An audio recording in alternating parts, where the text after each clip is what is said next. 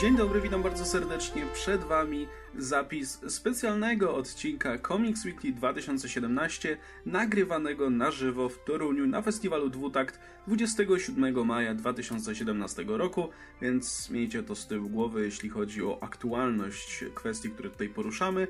Z racji tego, że ten odcinek był streamowany na żywo i to jest podstawowa forma publikacji tego odcinka, no to jakość nagrania audio no nie jest najwyższa, ale wytrzymajcie te pierwsze 5 minut, kiedy jest naprawdę słabiutko, potem się to trochę poprawia. Mam nadzieję, że i tak nasze wypowiedzi są słyszalne. Zachęcam też do sprawdzenia oryginalnego zapisu wideo, jest podlinkowany w opisie. Na sam koniec ważna informacja, to jest 19 odcinek Comics Weekly 2017.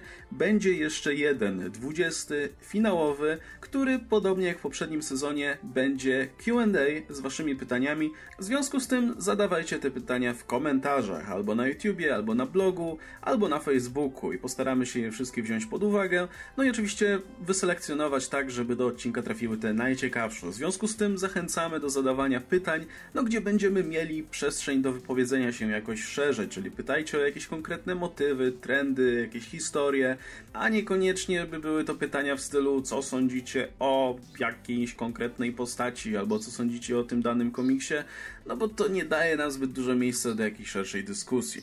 No i to tyle formalności, także miłego słuchania. Okej, okay, mamy start, a mam nadzieję, że wszystko będzie ok. Przed nami największe wydarzenie, myślę, dzisiejszego renesansu superbohaterów nagrany na żywo specjalny odcinek e, Comics Weekly e, z udziałem publiczności.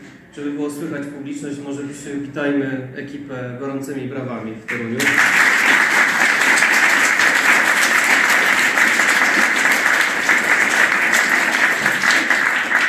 Okej, okay, oddaję Wam głos w takim razie. Okej. Okay. E, bardzo nam miło oczywiście. Możemy zaczynać w takim razie. To będzie w ogóle standardowy odcinek, znaczy teoretycznie przynajmniej, więc zaczniemy zgodnie z planem od naszego tradycyjnego e, przywitania. Także dzień dobry, witam serdecznie w 19 odcinku Comics Weekly. E, pod, Comics Weekly 2017, odcinku 19. To jest właśnie ten minus, że nie będziemy mogli wyciąć rzeczy na sam koniec. E, podcastu, z którego dowiecie się, co aktualnie słychać w komiksowych uniwersach Marvela i DC. E, I tym razem oczywiście nagrywamy z udziałem publiczności. Dla wszystkich tych osób, które nas teraz obserwują na live, na live streamie, e, z nami jest publiczność, także zachęcamy do tutaj aktywnego udziału w sumie. No właśnie, macie mikrofon tam do dyspozycji. Jeśli będziecie chcieli za, zabrać głos w jakiejś kwestii, to podejdźcie po prostu, my to zauważymy chyba i udzielimy Wam głosu i wtedy będziemy mogli jakoś tam wymienić uwagi. Ze mną jest oczywiście Adam Antolski, Anton Mruwa. Hej wszystkim. I Oskar Rogowski, komiksomaniak. Cześć wam. E, I pomyśleliśmy, że nie będziemy jakoś przeładowywać tego odcinka pytaniami, bo liczymy na to właśnie, że będziemy mogli porozmawiać z Wami, więc może omówmy to, co najważniejsze się wydarzyło ostatnimi czasy. E, coś, coś chciałeś powiedzieć?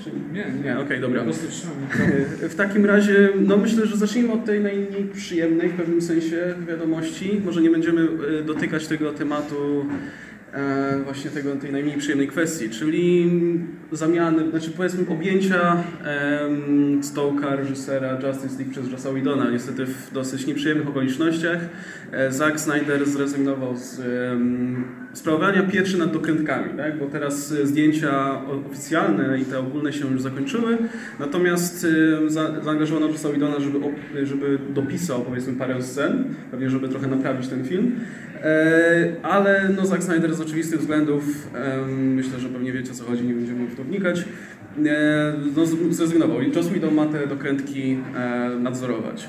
I teraz chciałem się właśnie na tym skupić, bo dla wielu osób to jest dobra wiadomość, w tym względzie pewne szczęście w nieszczęściu, nie? w cudzysłowie oczywiście, że no, Joss Whedon ma dużo lepszą, um, dużo lepsze powiedzmy no lepiej sobie jego, jego pracę, jeśli chodzi o superbohaterów, oceniano ostatnimi czasy, nie? Więc dla wielu osób to jest znak, że może będzie lepiej, że może faktycznie te dokrętki coś zmienią. Tyle, że moim zdaniem nie do końca. To znaczy raz, że wydaje mi się, sami wszyscy wiemy jak wyglądał Suicide Squad na przykład po niezbędnych poprawkach. E, I to może być trochę podobnie, że albo te style się nieco zderzą ze sobą i będziemy mieli powiedzmy parę scen, które będą trochę z innej parafii, ale moim zdaniem wręcz przeciwnie, w zasadzie Joss Whedon, szczególnie ze względu na to nieprzyjemne okoliczności, jeszcze nie będzie, będzie celowo nie chciał wychodzić poza styl Zaka Snydera po to, żeby w jakiś sposób powiedzmy oddać mu szacunek i hołd e, za to, co, no za jego pracę, tak? E, jak wy uważacie? Moim zdaniem, moim zdaniem jedyna tak naprawdę cokolwiek warta zmiana, jaka może tutaj nastąpić, to być może film będzie mieć odrobinę płynniejsze przejścia pomiędzy scenami. No bo myślę, że Joss Whedon jest mimo wszystko w tym lepszy.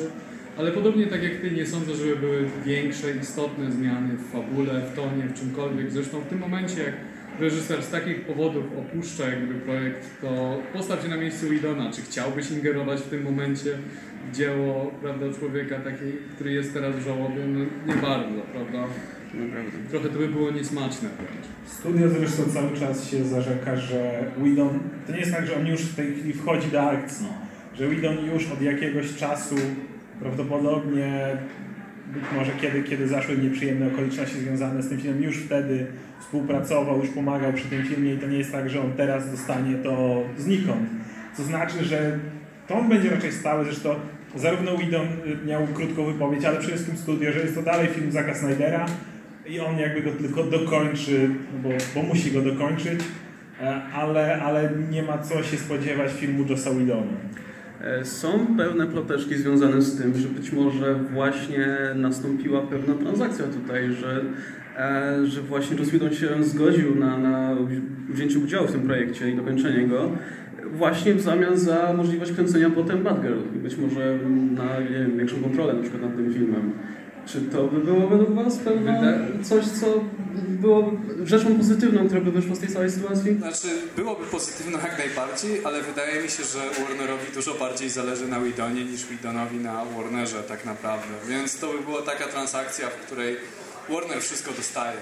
Ja póki co tego też nie widzę. A nie, nie uważasz, że być może Whedonowi może zależeć pod tym względem, że tutaj by dostał możliwość właśnie nakręcenia wreszcie filmu o superbohaterce. Tak nawiązując do tego naszego tematu ogólnego na dwutakcie. No bo Whedon wielokrotnie krytykował w ogóle współczesne studia w związku z tym, że no nie chcą kręcić filmów o superbohaterkach. No, wiadomo, że Joss Whedon jest tutaj e, znany z tego, że właśnie tworzy fajne protagonistki.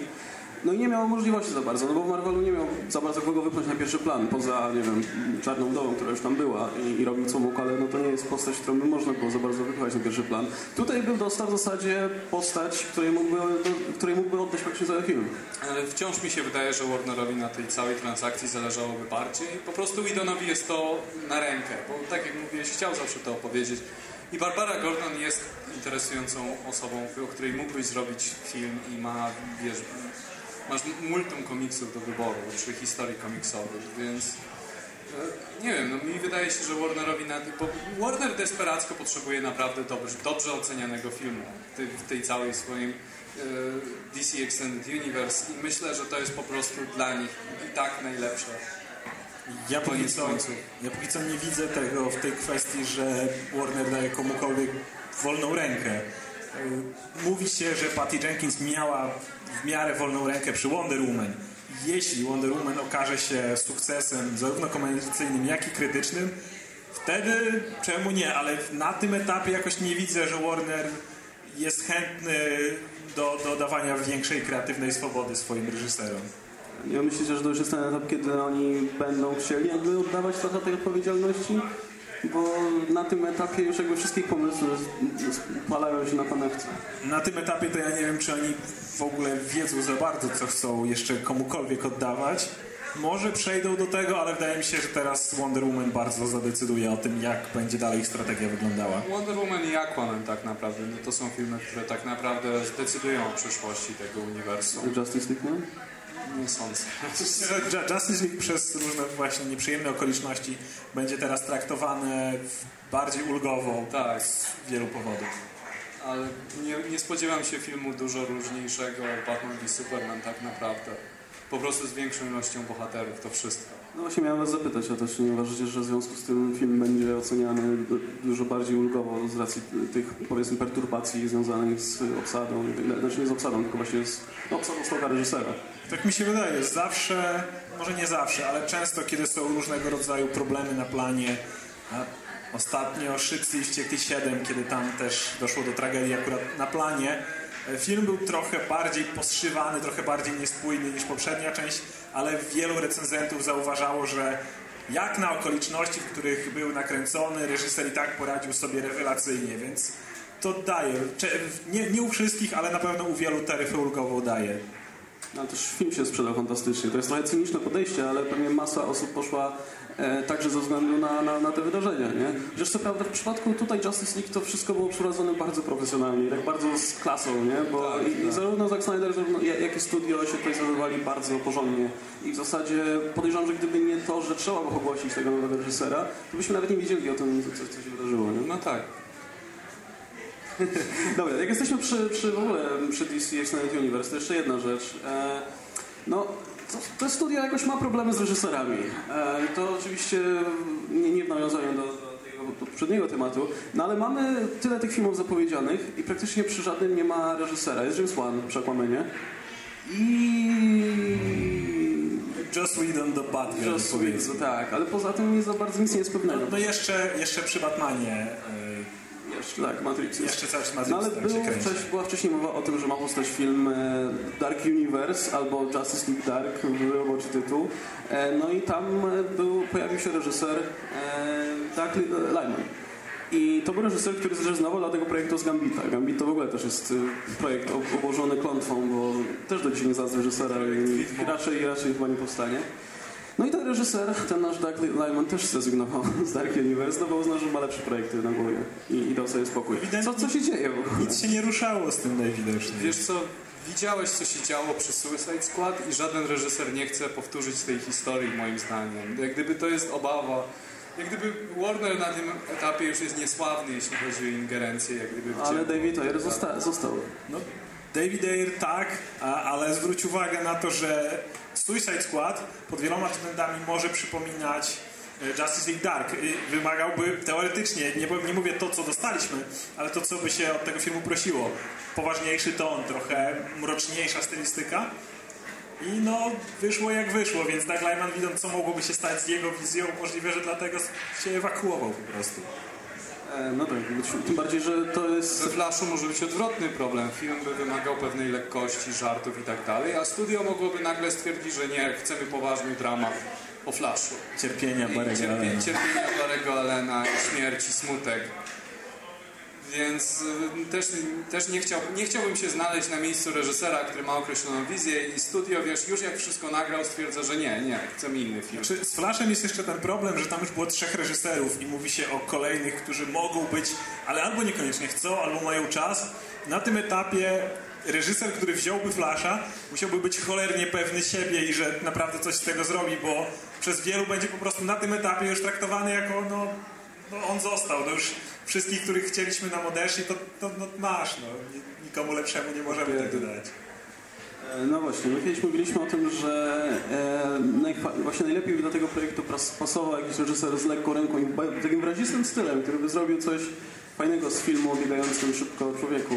E, I podawaliśmy, że Edgar Wright byłby fajny. Tylko, że biorąc pod uwagę, jak, jak póki co Warner traktuje reżyser, czy jak szybko ci reżyserowie z jakimś wyrazistym stylem uciekają stąd, no to raczej mamy na to szansę. Bo Flash miał do tej pory chyba dwóch już reżyserów, e, trzech, e, przy, przyporządkowanych do tego projektu i wszyscy uciekli chyba z miejsca. Tak jest. I, no i teraz jesteśmy na tym etapie, że też się pojawiły nazwiska odnośnie tego filmu, ale już, już jest cicho o. I, i Wszyscy albo mieli inne projekty, albo co ciekawe, jednym z tych nazwisk był Mark Webb, czyli e, znany reżyser z na przykład dwóch ostatnich Spider-Manów, tych Amazing Spider-Manów, który sobie zasłynął tym, że był bardzo uległy wobec studia i nawet on nie chciał. Więc... Amazing Spider-Man 2 to jest po prostu produkcja korporacyjna, z którą ręka reżysera ma bardzo niewiele wspólnego. Nawet, nawet e, tego, tego nazwiska się nie udało. Dlatego Ale z drugiej strony może po Spider-Manie 2 już ma, wiesz, dość tego, po prostu. Już woli robić te tańsze filmy, gdzie mu się nikt nie Niezależnie. No nie, no ale póki co Flash nie za bardzo wiadomo, czy powstanie. No bo był taki moment, kiedy te, oni ogłosili taki wielki slate tych wszystkich filmów, taką całą listę, e, gdzie nie wiem, były tam po trzy premiery czy coś na rok. I aktualnie został Aquaman z tego wszystkiego chyba. Aquaman i coś tam się z, tymi, z tą rodziną Batmana niby dzieje, niby Z Batgirl. Shazamem się coś dzieje. Nie, ale, ale Batgirl i Batman mają reżysera. To jest Tak. takie naj, najtwardsze, co może być. No i Aquaman. A wszystkie, chociaż niedawno studio zapowiadało, że w 2020 cały czas planują wydać Cyborga. Oczywiście poza tym, że planują, nic więcej nie wiadomo. Więc no, namacalnie mamy w tej chwili trzy filmy, nie licząc tego roku. Jak myślicie, jak będzie? W sensie, jak, jak, jak, jak będzie wyglądała ta sytuacja dalej? Wyjdzie Aquaman, a o reszcie zapomnijcie. To ja na koniec, dlatego że no ja prawdę mówiąc, ja mam bardzo czarną wizję, jeśli chodzi o DC Extended Universe. Wydaje mi się, że to wszystko padnie i zginie i mamy głos publiczności. Pytam. Wydaje z kolei, że mocno o tym zaważą tegoroczne filmy i zależnie od, te, zależnie od tego, jak wyjdą, tak potoczą się dalsze losy. Jeżeli powiedzmy Wonder Woman okaże się sukcesem, to może DC odwa odważy się na coś więcej, na jakieś, kolej, na jakieś kolejne e, pomysły, a jeżeli teraz nie pójdzie, to będą raczej ostrożnie podchodzić do następnych. Wiesz, na tym etapie myślę, że to, jest, to już jest dla nich sytuacja być albo nie być. Albo się uda i będziemy to kontynuować, albo to będą kolejne klapy. I wiesz, biorąc pod uwagę jakby dotychczasowe wyniki Extended Universe, wydaje mi się, że nie będą tego ciągnąć wcale. Znaczy, jeżeli Wonder Woman jakimś cudem faktycznie się uda, bo... Dzięki wielkie. Tak, dzięki za pytanie w ogóle. Yy, Wonder Woman e, wydaje mi się, że cały czas może się udać, bo ja cały czas mam przekonanie, że Warner po prostu nie wie, co ma. Mieli, miało być w ogóle, to też jest ciekawe, embargo Wonder Woman na dzień przed premierą, ale były w miarę pozytywne recenzje i się rozmyślili i embargo schodzi już w ten poniedziałek. Już w ten poniedziałek poznamy y, recenzje konkretne. Konsensus krytyków. Tak, konsensus krytyków do Wonder Woman i dowiemy się, czy to były sensowne pierwsze wrażenia, czy nie. Ja natomiast uważam, że bez względu na wszystko, co oni by nie skończyli, Batmana wydadzą. Batman jest zawsze żyłą złota, mogą skasować wszystkie filmy, ale Batman w jakiejś formie wyjdzie. Nie ma takiej opcji, żeby DC, żeby Warner nie wydawał filmów z Batmanem. No po prostu nie ma takiej opcji. Jak Batman wyjdzie to i zostanie dobrze przyjęty i dobrze oceniony, to pewnie wtedy będą rozwijać tą część, tę, tę część, no bo wtedy można by wydać Batgirl i jakby na, na popularność tego jednego filmu budować całą resztę, nie? No bo w tym momencie y, większość tych filmów trochę zamykała jakby drogę, nie? No, mówi, mówi, mówiło się dosyć dużo o na przykład sequelu Man of Steel i że tam w ogóle masa reżyserów była przyporządkowy- przyporządkowywana do tego projektu i już jest cicho, cicho zupełnie, nie? Moim zdaniem od początku powinni byli tak zrobić. Wyjść od Batmana, zacząć od Batmana, bo to wiedzą mniej więcej jak robić. To jest coś, wiesz, mają największe doświadczenie.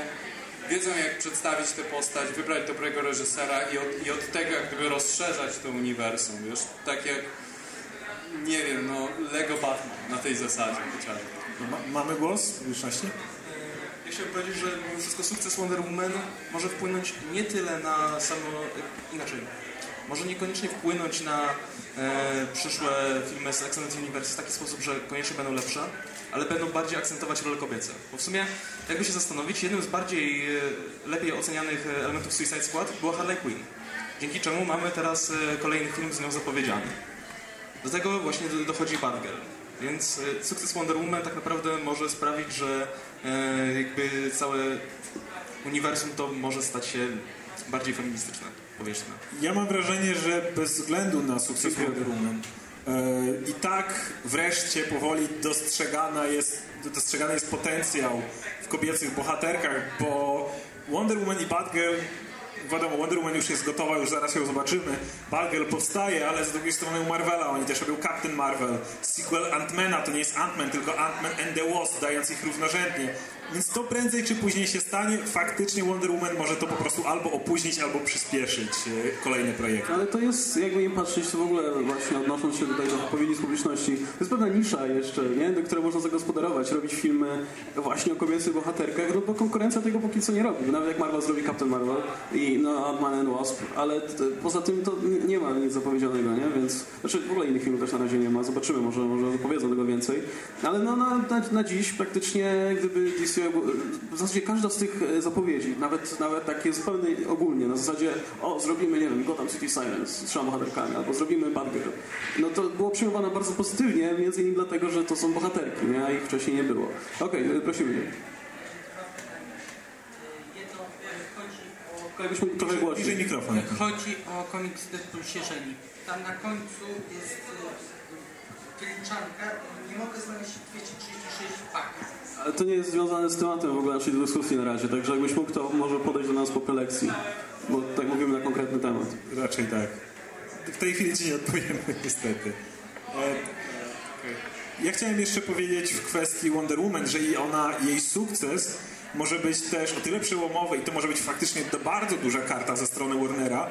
Marvel odnosił ogromne sukcesy finansowe, dosyć dobrze był oceniany krytycznie, ale faktycznie nie mają tego. Mają zapowiedzianą Captain Marvel, ale nawet zdjęcia jeszcze nie ruszyły. I jeśli zaraz już Wonder Woman okazałaby się umiarkowanym nawet sukcesem, to to byłaby taka jedna karta w talii DC, którą, znaczy Warnera w tym wypadku, którą oni mogą się pochwalić, której Marvel po prostu nie ma, bez względu na dotychczasowe, niekoniecznie ciepło przyjmowane filmy. Więc faktycznie im, im to może przede wszystkim dużo dać. Wiesz co, już jedna Wonder Woman wiosny nie czyni i o ile to faktycznie byłby naprawdę duży sukces, jakby im się nic nie udało poza Wonder Woman, ale no nie wiem, no jakoś nie potrafię tego sobie wyobrazić. Wiesz, problem z tymi uniwersami w ogóle wielkimi filmowymi, to to jest to, że to są maszyny, które, to jest lokomotywa, którą puszczasz na początku i której się nie da zatrzymać. Jakby, zobacz co się dzieje z tym Dark Universe, z tym, wiesz, z potworami Uniwersalu. Już mają zaplanowany cały, całą serię filmów i nie mają pojęcia, czy będą cokolwiek dobre, czy nie. To nie jest coś, co, wiesz, w pewnym momencie zatrzymasz. I wydaje mi się, że jeżeli jest taki moment, w którym Warner mógłby się zatrzymać, to to jest właśnie po, po Aquamanie praktycznie. I dużo zależy od tego, czy w ogóle będzie jakakolwiek kontynuacja, od tego, czy te dwa filmy, Wonder Woman i Aquaman, się udadzą. Jest duża szansa na to, że Wonder Woman będzie przynajmniej, wiesz, przyzwoitym filmem, ale co nie, nie jestem pewien, prawdę mówiąc. Mamy głos publiczności. Wracając do możliwości tego, że Disney postawi bardziej na żeńskie postacie, to jest to w sumie dobry pomysł, dlatego że jest sporo żeńskich postaci w DC, które uważam mogłyby być ciekawe nawet w solowych filmach, a niekoniecznie były kiedykolwiek jakoś bardziej eksponowane na, na wielkim ekranie. Jak na przykład? Na przykład y, Raven bądź y, Catwoman. Właśnie Catwoman. Catwoman była! Została zapomniana szybko. Słusznie. Bardzo słusznie został ten film zapomniany. Jednak uważam, że gdyby dobrze się za to zabrać, z tą postacią mógłby powstać naprawdę dobry film. Ja się zgadzam. W Pełna zgoda tutaj, oczywiście. to, to w ogóle pierwszy strzał byłby jak dla mnie, jeśli chodzi, jeśli mieliby zrobić, poza Batgirl oczywiście, która już tam zapowiedziana jest. Zresztą łatwiej było zrobić film o Catwoman teraz po prostu, nie? niż... E, dzięki wielkie za, za, za głos. E, niż z Batgirl, bo Batgirl byś, byś musiał jednak jakoś powiązać z Batmanem i w ogóle z jakąś jej genezę dać i, i tak dalej. Natomiast Catwoman, no, złodziejka, Tak, która się przybiera za, która się przybiera za kota, bo w tych uniwersach komiksowych się wszyscy przybierają za zwierzęta i nikt nie, widzi w tym niczego dziwnego. Więc spokojnie możemy zrobić film taki heist movie, nie? gdzie masz jeden wielki skok, który, który się kończy jakoś źle, w międzyczasie coś musi zrobić. Także to, to było, no ile jest tych komiksów w ogóle Catwoman, które się te, e, które ostatnio wydane zresztą w Polsce, nie? Spokojnie możemy to na film przerobić bez większego problemu, tylko że właśnie problem polega na tym, że jeszcze za dużo ludzi pamięta poprzednią Catwoman chyba. Wydaje mi się, że wcale nie. A ci, którzy, a ci, którzy pamiętają, to nie chcą pamiętać. Wydaje mi się, że takie jest rozumienie studia na razie, że jeszcze trochę... Wydaje mi się, że Catwoman jest bardziej kojarzona mimo wszystko z animacjami niż z, z animacjami, z komiksami niż z filmem w tej chwili, który nie był sukcesem wcale wtedy. To nie jest tak, że wiesz, ludzie kojarzą go jakkolwiek tak naprawdę. Myślę, że dużo więcej ludzi kojarzy Michelle Pfeiffer niż Halle Berry. Znaczy jest prosta receptura na y, zwiększenie sukcesu filmu o Catwoman, po prostu w trailerze dać Batmana, który ma tam cameo. I to już automatycznie... Tak jak miał w Suicide Tak jak. Suicide Squad. To wystarczy, że w jednej scenie będzie się z nią ganiał, a reszta filmu skupi się na Catwoman i już duża szansa, że film się chociaż sprzeda. Szczególnie, że tworzysz uniwersum, więc nie ukrywasz, że wiesz, znają się, tak? No tak, Tylko, że tak. ten film jest o Catwoman, więc będzie tylko ona tutaj. Okej, dobra, to myślę, że na tym, na tym na razie ten temat zakończymy. Przeskoczmy sobie do konkurencji w takim razie. Aha, Jeszcze głos? dobra. Też tak myślę, że e, jeżeli Marvel, e, bezpośrednio filmy od Marvela e, wychodzą w taki sposób, że są taki, o takim charakterze bardzo superbohaterskim, bardzo charakterystycznym dla komiksów, bardzo takim bezpośrednim pokazaniem na swoich przeszłościach, jak mniej więcej wyglądają superbohaterskie komiksy, moim zdaniem. E, Tak też Fox robi te komiksy, filmy z uniwersum X-Men, bardziej się skupia na e, trochę innym innym charakterze jednak są te filmy, bardziej takie, no X-Men bardziej telenowela powinna być, myślę, że będą jakoś już takie dłuższe filmy, ale też takie filmy jak Deadpool czy Logan, które są no, powiedzmy poważniejsze, cięższe niż filmy Marvel Studios. To tak samo DC mogłoby też pójść w jakimś kierunku. Często się mówi, że DC ma najlepszych e, super złoczyńców, dużo lepszych niż Marvel. Że na przykład mogliby się skupić bardziej na filmach, które się skupiają na tych e, czarnych charakterach.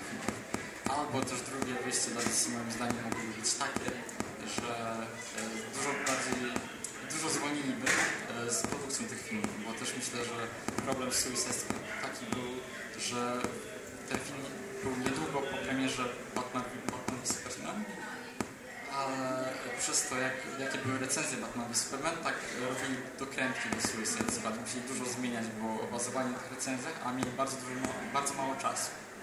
E, Więc myślę, że jakby wolniej wypuszczali te filmy, bardziej by, na, bardziej by były one przemyślane, tak mogłyby być lepsze. Aczkolwiek to wiadomo, że pieniędzy mają bo mają mniej filmów. Znaczy ja się, dzięki wielkie w ogóle za głos. E, Ja się chciałem odnieść do kilku rzeczy, które powiedziałeś, bo w sumie ciekawy głos. E, Ja zacznę od tych dobrych złoczyńców e, w adaptacjach komiksów DC Warner Bros. No, wydaje mi się, że to jest troszeczkę iluzja wynikająca z tego, że faktycznie złoczyńcy Marvela nie są szczególnie dobrzy.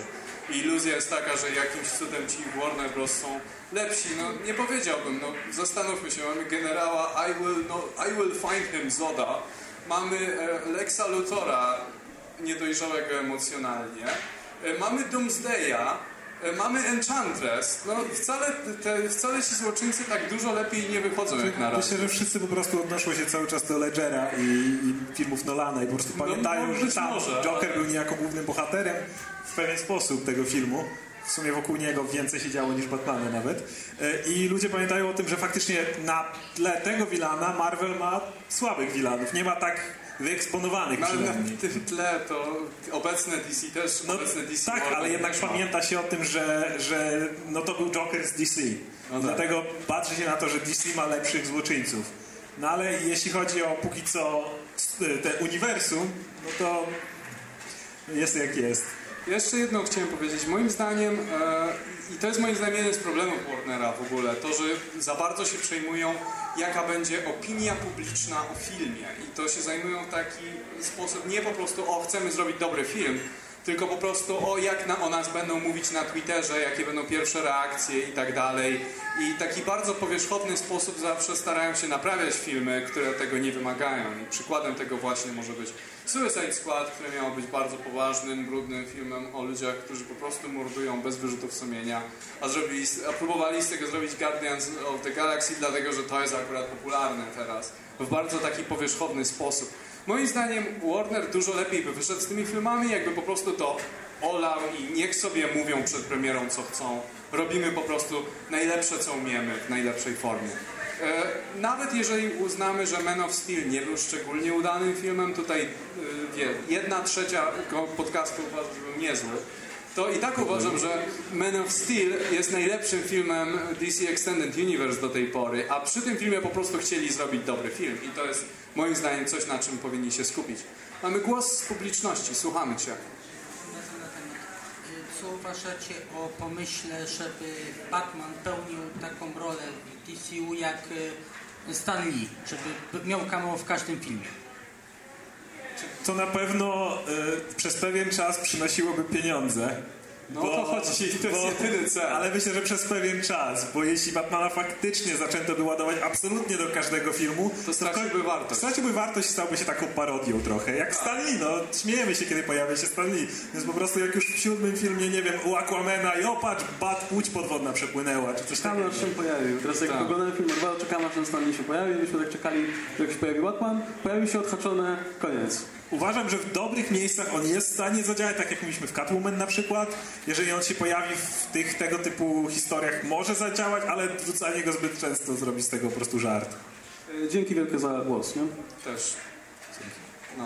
To, przechodzimy do następnego Tak, przejdźmy tematu. przejdźmy do następnego tematu, tak jak mówiłem. No tak właśnie wygląda nagrywanie podcastu. Mówimy, że dobra, przechodzimy do następnego tematu, potem ktoś rzuci jedną rzecz i pół godziny później e, omawiam dalej to samo. Dobra, to tak jak mówiłem, konkurencja i Spider-Man, bo w trakcie właśnie od ostatniego odcinka pojawił się trailer. E, ogólnie chyba uznany za najlepszy z dotychczasowych i, i całkiem nieźle przyjęty. I pojawi, dwa trailery w zasadzie, nie? Jeden y, ten Euro, y, International i drugi amerykański. No i pojawił się ten piękny plakat jeszcze. Znaczy do Ironmana. Tak, do Ironmana. Iron Man and Spider-Man. Super Friends. E, No jak wam się podobał trailer w takim razie? Szczerze mówiąc, to e, ciężko mi powiedzieć o nim cokolwiek więcej, jak do tej pory mówiłem No, o to- dotychczasowych to trailerach, bo jest dobrze zmontowany.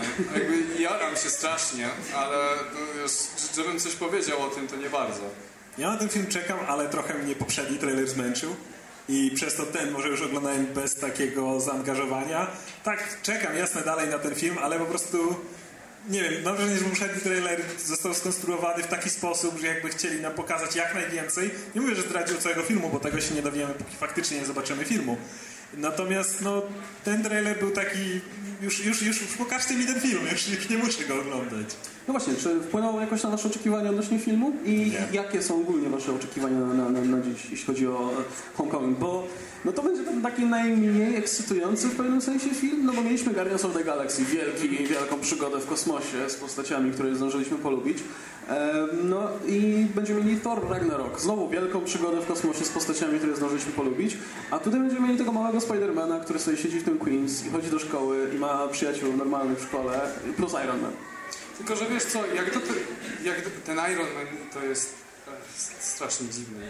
No, ale wiesz co, chcę ci powiedzieć, Iron Man jest dokładnie tak jak taki, ten Batman, o którym mówiliśmy do tej pory. On tu pełni rolę tylko, że hej, jesteśmy częścią MCU, naprawdę. Czy, Pamiętacie? czy liczymy na to, że nie, że będzie miał faktycznie ważną rolę, ale w trailerach tak wygląda. Tak wygląda, jakby był po prostu przyklejany. Wiesz co, z drugiej strony e, Peter Parker jeszcze do tej pory nie został tak przedstawiony. Wygląda to do tej pory jak, najwi- jak najwierniejsza adaptacja mitów Spidermana, przynajmniej jeśli chodzi o ducha tych pierwszych komiksów. I Spider-Man powinien zaczynać trochę na oboczu. Nie powinien od razu być, wiesz, w centrum uwagi, bo no, to, by było, to by wyszło po prostu nienaturalnie. Natomiast uważam, że w tym uniwersum bardzo brakowało Spidermana. Tak jak, wiesz, brakuje X-Men do pewnego stopnia. I że to bez niego to nie było do końca Marvel Cinematic Universe. Ja właśnie bardzo liczę na Spidermana, że pokaże nam w tym samym uniwersum trochę inną jego stronę, bo jednak Avengers, Guardians of the Galaxy i tak dalej, wszystko to były wielkie stawki, zagrożenie świata, wszechświata. Y, Natomiast no, Spider-Man jest właśnie tą postacią, która może wnieść trochę świeżego powietrza, trochę takiego działania na uboczu. Podobało mi się w tym ostatnim zwiastunie, jak on chwali się Tonemu Starkowi, że tutaj zatrzymał złodzieja roweru, że jakaś pani mu kupiła kanapkę. To myślę, że to jest, to jest ta, ta strona Spidermana, która nie była dobrze nigdy wyeksplorowana, bo ani ten pierwszy, ani ten drugi Spiderman nie pokazał nam w pełni tego szkolnego życia Petera. Głos. Z kolei ja uważam, że właśnie to dobrze, że nie toczy się to o tak dużą stawkę, ani nie jest powiązane z, tak, e, z jakimiś najważniejszymi wątkami MCU bezpośrednio, bo takie filmy często właśnie w MCU wychodzą fajnie. Ant-Man na przykład, którym stawka nie była aż tak wysoka jak powiedzmy w Avengersach. Wy, wyszedł naprawdę świetnie, bo skupiał się na jednej postaci i do, dookoła nie, nie wszystko się toczyło i była do, dobrze podkreślona. Tak samo ga, pierwsi gardi, byli o tyle fajni, że byli czymś oddzielnym, nie, próbowa- nie byli dostosowani do całego konceptu za bardzo. Nie byli pokazywani za bardzo jako o tutaj wiążemy się, za, tutaj jesteśmy jak Avengersi i tak dalej, tylko szły innym torem i myślę, że to fajnie, to właśnie może dobrze wyjść w Homecoming. No, pełna zgoda, właśnie o tym mówiliśmy, więc piona. Tak. To znaczy, dzięki w ogóle za, za głos. Y, Wydaje mi się, że z Guardiansami jest tak nie do końca. Oni niby byli na uboczu, ale jednak stawka, nawet pierwszych, No, ratowali galaktykę ratowali galaktykę, wszystkie tak, życia. Stawka była wysoka, ale z kolei powiązanie bezpośrednie z resztą tak. uniwersum było mniejsze. Było bardzo słabe tak naprawdę, w dużej mierze. I to Prawie, wydaje mi prawie Było dobre właśnie, że nie, że nie musiało się to z tym wszystkim wiązać, tylko mogło iść w pewnym stopniu własną ścieżką. No, znaczy jeszcze jedna rzecz, dzięki e, rzecz, która mi się podoba. Znaczy, ja, się do końca, znaczy w przypadku tego Spidermana, może inaczej zacznę, e, on już jakby od samego początku jest związany z tym uniwersum. To nie jest tak, że on może zacząć zupełnie z boku, no bo zadebiutował w Civil War, nie? No, w największym w sumie konflikcie do tej pory, jaki był.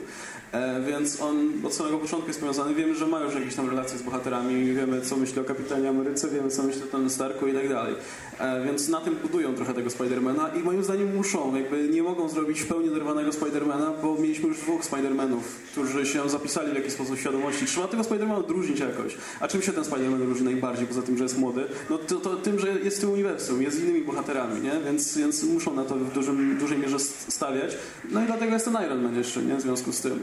Ale rzecz, która mi się podoba też to, że oni tak trochę podchodzą do tego właśnie w sprytny sposób. To znaczy, wiemy z trailerów, możemy wywnioskować, że ten film będzie polegał na tym, że Spider-Man się najpierw pobawi swoim kostiumem i fajnymi gadżetami, w którymś momencie zostanie mu ten kostium zabrany i będzie dalej w tym swoim śmiesznym, zrobionym e, chałupniczo kostiumie biegał. I jakby wrócić do korzeni w pewien sposób. I to będzie fajny motyw, żeby właśnie, wiesz, mieć ciastko i zjeść ciastko, pokazać, najpierw się pobawić trochę, a potem jednak jakby się skupić na tej esencji, co czyni go bohaterem i tak dalej. Nie?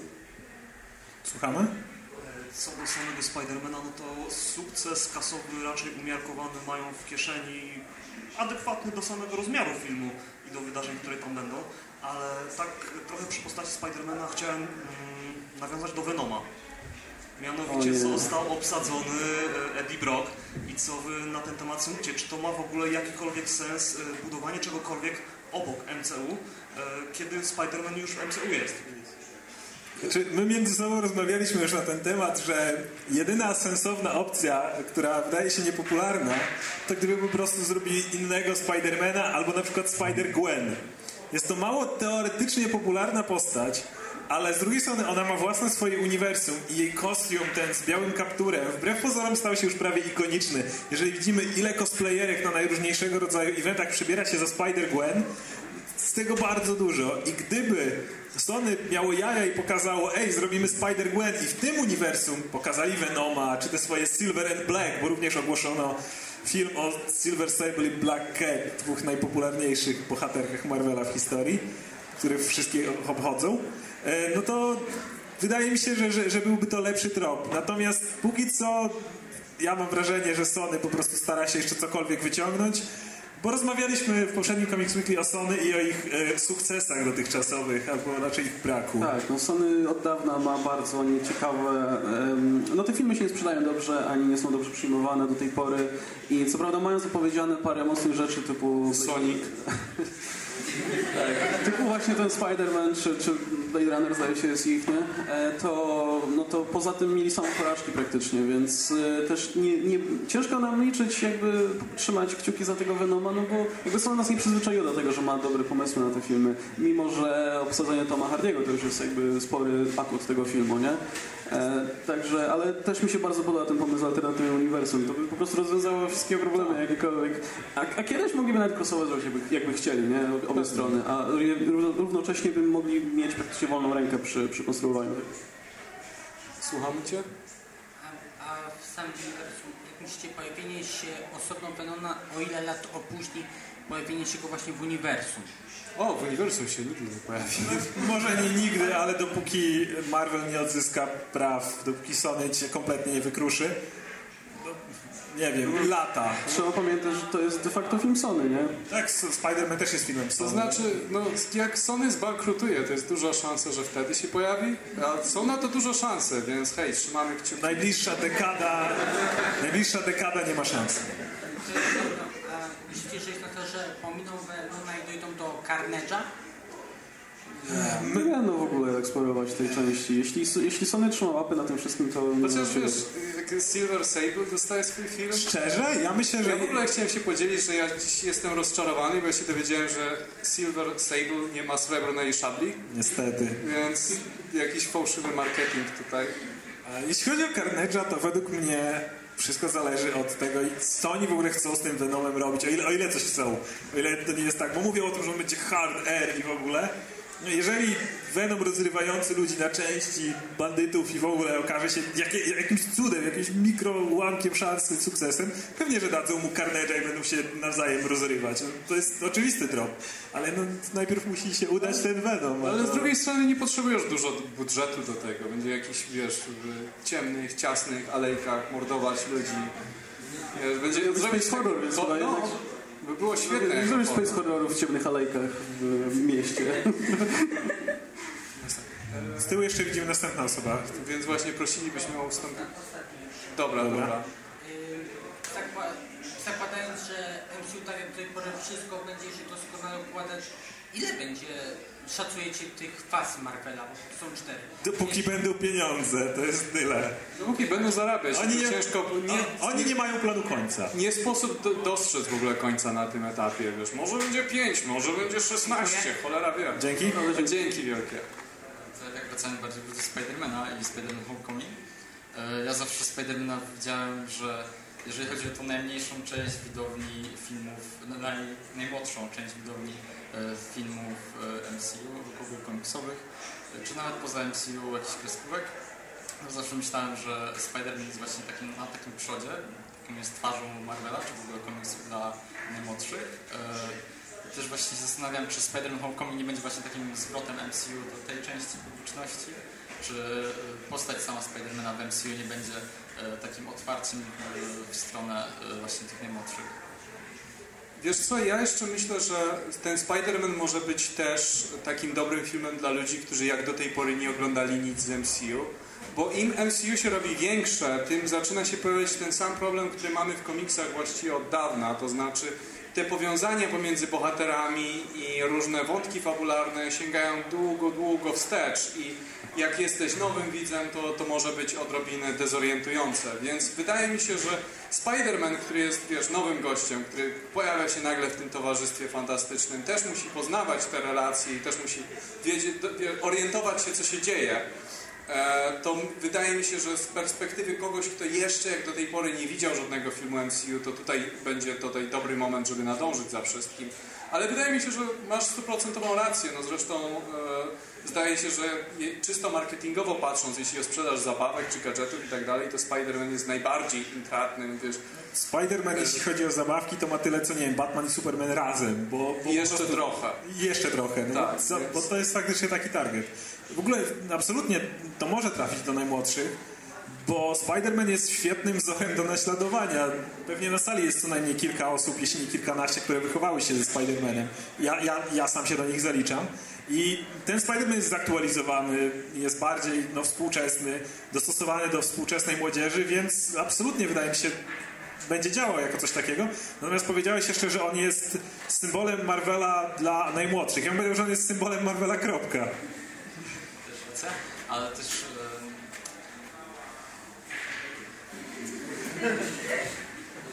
Spokojnie. chodziło mi o to, że em, myślę, że to byłoby świetne zagranie marketingowe, bo z dziećmi idą też całe rodziny, w sensie e, ci najbliżsi, w sensie ojciec, matka, ewentualnie rodzeństwo, więc myślę, że to naprawdę fajnie zrobiło dla nich. Znaczy to już z tym Marvel nie ma problemu, bo tego fajnego szopa i drzewo to też chodzą oglądać rodziny z dziećmi na przykład. Więc. No na pewno, tak. No też y, Marvel nie ma takiego superbohatera jak Spider-Man. Nie chodzi o to, że to jest Spider-Man, chodzi o to, że jest młody i jest, chodzi do szkoły i tak dalej. Do tej pory nie, nie, było takiej postaci jeszcze, więc ta część osób, które lubią takie postaci i się z nimi identyfikują, no będzie miała kogoś takiego dla siebie. Niekoniecznie młoda, ale po prostu osoby, które by chciały taką postać, nie? Kogoś, kto jest biedniejszy, nie jest, nie jest milionerem, nie, nie ma jakiejś super mocy, wiesz, Łatwo się z i tak identyfikować. Tak, tak, tak. Także to, to jest duże uzupełnienie tego uniwersum. Okej, słuchamy? E, Ja mam pytanie odnośnie do przyszłości Spider-Mana w MCU, bo no, jak już powiedzieliśmy, to nie jest film e, MCU konkretnie, bo Sony też dużo w tym e. To jest ich film po prostu. No właśnie, i czy to nie jest trochę tak, że Sony po prostu próbuje przeforsować Spider-Mana Disneya, żeby oni zrobili tę najtrudniejszą robotę, postawili postać z powrotem na nogi w kinie, a później oni go chcą zabrać do siebie z powrotem i jakby dalej od, Sony to, robić? Jeśli tak myślą, to raczej niezbyt mądrze myślą, wydaje mi się. Dlatego, że jeśli chodzi o kontrakty, to Marvel już się wycwanił. w momencie jak w, w latach 90.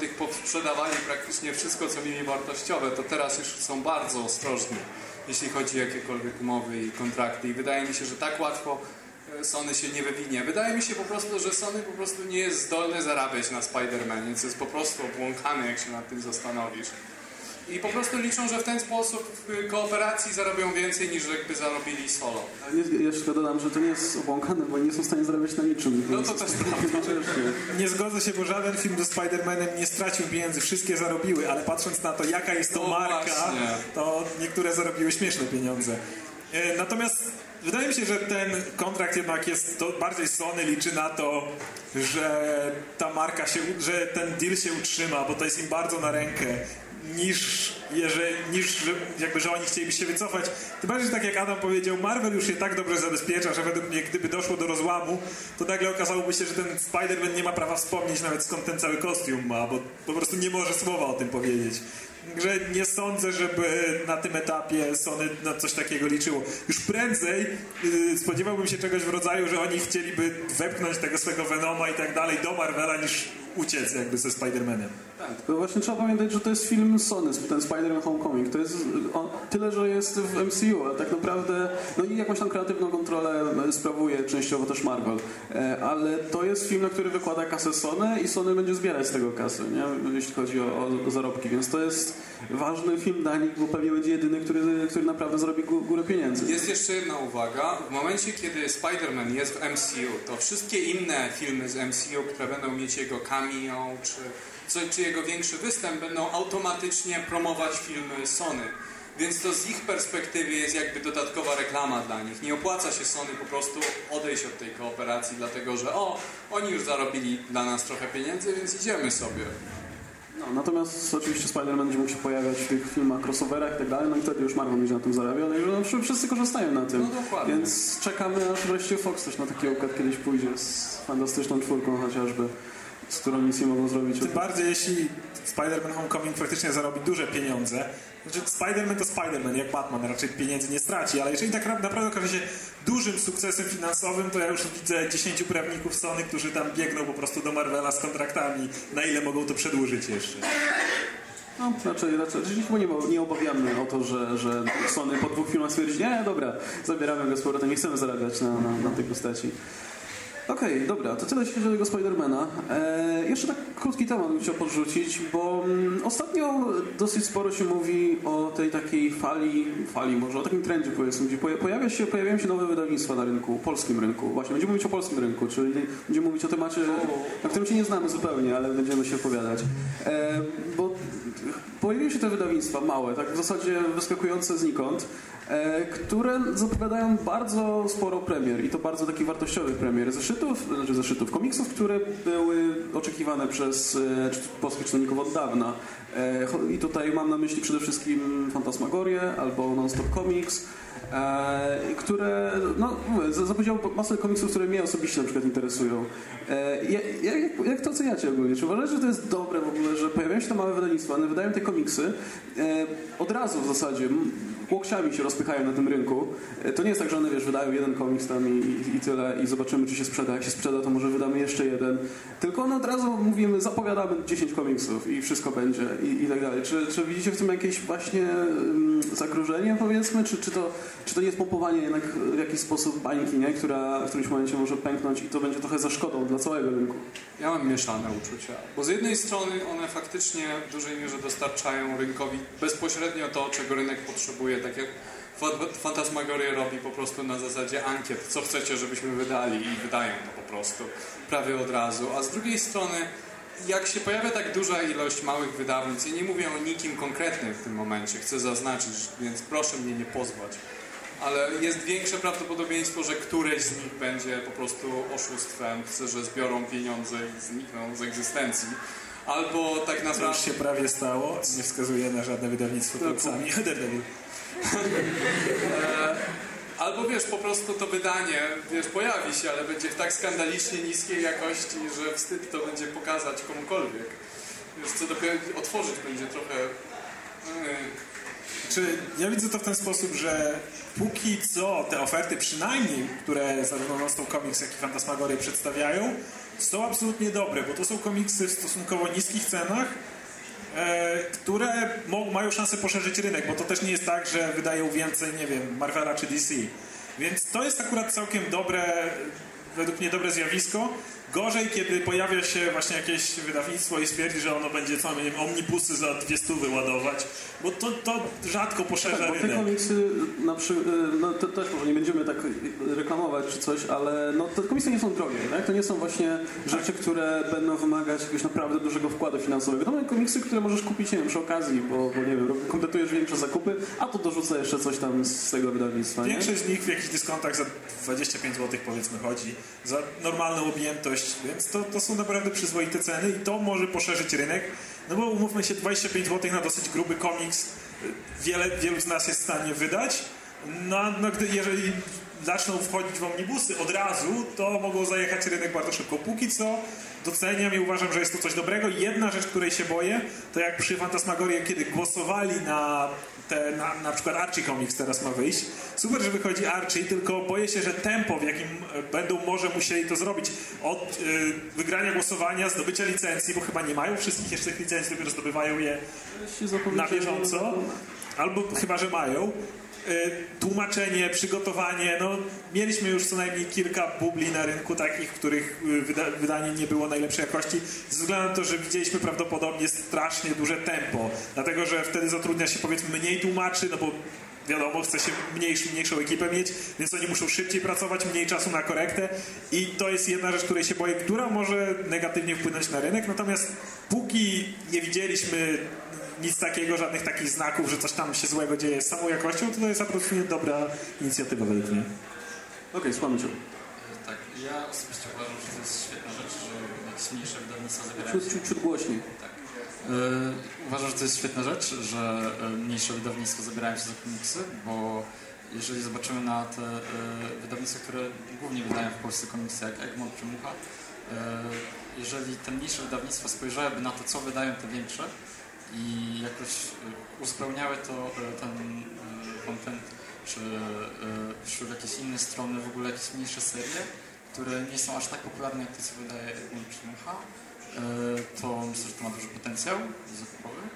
A na przykład teraz Fantasmagoria, jak robiła preordery swoje, to był Żółwy Ninja, który brakuje na polskim rynku i ja osobiście się spóźniłem z tym, bo się za późno dowiedziałem parę dni potem.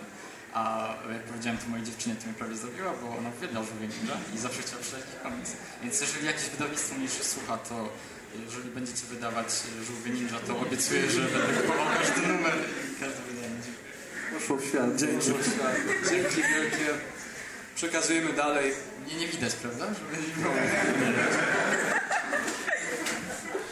A co sądzicie ogólnie o tych ankietach? Słuchajcie, czy to uważacie, że to jest w ogóle dobry pomysł, że wydawnictwo przychodzi i mówi hej, to my wydamy to, co chcecie, tutaj macie listę e, i wydajemy. Nie, Wiesz co, ja nie mam pojęcia, czy to jest dobry pomysł, czy zły, ale uwielbiam po prostu atmosferę dookoła tego, jak widzisz na innych fanpage'ach, jak robią kampanię, wysyłajcie swojej rodzinie, żeby lajkowali tutaj tę, pozycję czy tamtą, jak... I widziałem to chyba przy 3 czy 4 pierwsze pozycje po Archie. Miały takie kampanie właśnie na różnych fanpage'ach panowskich, gdzie ludzie zachęcali i tak dalej i ktoś zakładał multikonta na Facebooku tylko po to, żeby e, Karol Parks wyszedł w Polsce czy coś. I to jest jednak na swój sposób urocze, jak gdyby taki plebiscyt popularności. Natomiast czy jest to dobre dla rynku? To nie wiem. Ja mam taką jedną kwestię, która mnie trochę niepokoi. Jak jest z kontynuacją tych komiksów? Jak gdyby, czy w momencie, jak na przykład teraz wyjdzie Archie pierwszy tom, to będą, będzie to kontynuowane dalej, czy... Tak, będzie. Oni, o, tak, oni chcą sfinansować teraz to, wyjdzie na rynek, a będzie potem wydawane już normalnie. Okej. Jeśli, jeśli się sfinansuje oczywiście ten pierwszy. A No, jeśli to- się nie sfinansuje, to po prostu umiera w dają, miejscu. tak, ale... Ale to nie jest nic niezwykłego. W dużych wydawnictwach też komiksy, które kompletnie nie idą, gdzieś tam umierają po drodze. Ja uważam, że ankieta jest na pewno ciekawym pomysłem, ale nie da, póki co, nie do, póki nie będzie parę ankiet, które faktycznie pokażą, że to działa, to ciężko być jakiejkolwiek skuteczności, bo w ogóle z Archim jest to o tyle ciekawe, że właśnie było zmasowane ruszenie fanów, tylko no co innego kliknąć albo założyć trzy konta na Facebooku, a co innego faktycznie wydać pieniądze. Z drugiej strony widzimy tą cenę, która jest póki co bardzo zachęcająca i wiem, że wiele osób, które stwierdzało, a czy to mnie nie interesuje, nie wiem co to jest, ale może za taką cenę to jednak zobaczę, o co, o co z tym chodzi. Więc to się jakby ze sobą łączy. Póki co nie mam wielkich, e, wielkiego zaufania w głosowaniu, że tak powiem, publicznym, co ludzie chcą, bo łatwo je przegiąć w różne strony. A nie uważacie, że wydawnictwa powinny kształtować rynek i dbać i jakby same nadawać, wiecie, e, nie śmiejcie się. Przepraszam. Na, nadawać, jakby wiecie, wychowywać czytelników, wychowywać ambitnego czytelnika, a nie wiecie, tutaj schlebiać Nie. pospólstwa w tych ankietach.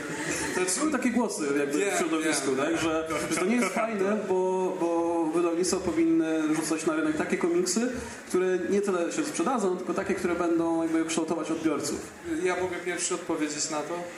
E, No po prostu mogą wyrzucić tutaj całą masę ambitnych komiksów, na przykład w dużych nakładach, nikt tego nie kupi i mu, bo wydawnictwo zamkną i możemy zapomnieć o komiksie w Polsce. Ale wiesz dlaczego nie kupi? No nie kupi dlatego, bo czytelnik nie jest przyzwyczajony do dobrych No ale komiksów. jak go chcesz niby przyzwyczaić, jak będziesz wrzucać... Wiecie, za każdym razem, jak wrzucisz w dużej ilości ambitne komiksy, to nikt tego nie kupi. Ale jakby tak wydawnictwo potraciło trochę pieniędzy i tak lata by krwawiło pieniędzmi, to w końcu To może musiłoby do gardła, tak Nie masz, sądzę, czytaj. Nie sądzę. Wiesz co, ja nie chcę, żeby mnie nikt wychowywał. Jak gdyby to jest... Ja tak... Wydawnictwa po prostu powinny oferować różną, różnorodną gamę komiksów, tytułów dla każdego czytelnika w miarę możliwości i tyle. Wystarczy popatrzeć na Marvel na z Egmontu, gdzie no, większość komiksów to są czytadełka, to są popularne rozwałki Avengers, Guardians of the Galaxy, Thunderbolts, Deadpool. A nie chciałbyś, żeby wydali jakiegoś Visiona czy coś takiego? Znaczy, Komiks, który ma dużo... Nie o to mi chodzi.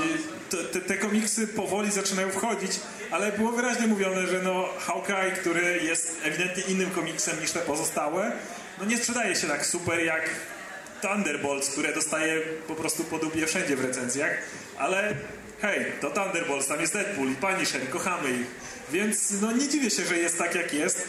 Ważne, żeby faktycznie na te powiedzmy pięć superbohaterskich, takich naprawdę typowych przypadała jedna ta trochę mniej typowa, ale według mnie ten balans jest absolutnie już wystarczający. Znaczy, wiesz co, ja uważam, że powinni wydać jak najwięcej popularnych i to właśnie takich cudzysłowie śmieciowych czytatełek, dlatego że tym samym im więcej jest tak bardzo przystępnych tytułów, tym większy jest rynek, tym więcej jest ludzi, którzy ogólnie czytają komiksy, ogólnie czytają superbohaterów, a im więcej ich jest, tym więcej, tym większy wśród nich jest margines ludzi, którzy byliby zainteresowani bardziej ambitnymi komiksami. I ten margines będzie zawsze mniejszy niż ta po prostu największa grupa ludzi, którzy po prostu czytają sobie czytadełka na kiblu. No to wydawcy na komiksowej Warszawie zwrócili na to uwagę, że po prostu ludzie, którzy czytają mniej ambitne, w dużej części to są ich przyszli po prostu na, ich przyszli czytelnicy, ich przyszli klienci, którzy w przynajmniej jakiejś części skuszą się po ich komiksy, więc jedno drugie napędza absolutnie. Pójdą za autorami, albo stwierdzą, że chcą czegoś więcej, czegoś, ciekawszego. trochę znudzi, bo to jakby ta niezwykłość komiksu superbohaterskiego może po jakimś czasie znudzić i po prostu będą szukać Może? czegoś. Tak, no nie ciebie, Może, ale no. nie przejmuj się, nie, nie, nie stracisz tego, nie dorośniesz, ale wiesz, i będą, być może będą szukać czegoś bardziej eksperymentalnego, czegoś bardziej ambitnego. Ambitnego jak Archie. No dobra, to ty, tyle chyba jeśli chodzi o, o tę kwestie wydawnicze. E, I w ogóle nam czytelnicy prosili, żebyśmy częściej mówili o tym, co się na polskim rynku dzieje. A w sumie ostatnio się dzieje tak dużo, że, że no, jest o czym mówić e, w związku, nie, nawet nie tylko z superbohaterami, chociaż też. E, tym bardziej, że te małe wydawnictwa też ruszają superbohaterów, nie? Czekamy chyba na Invincible jeszcze tylko.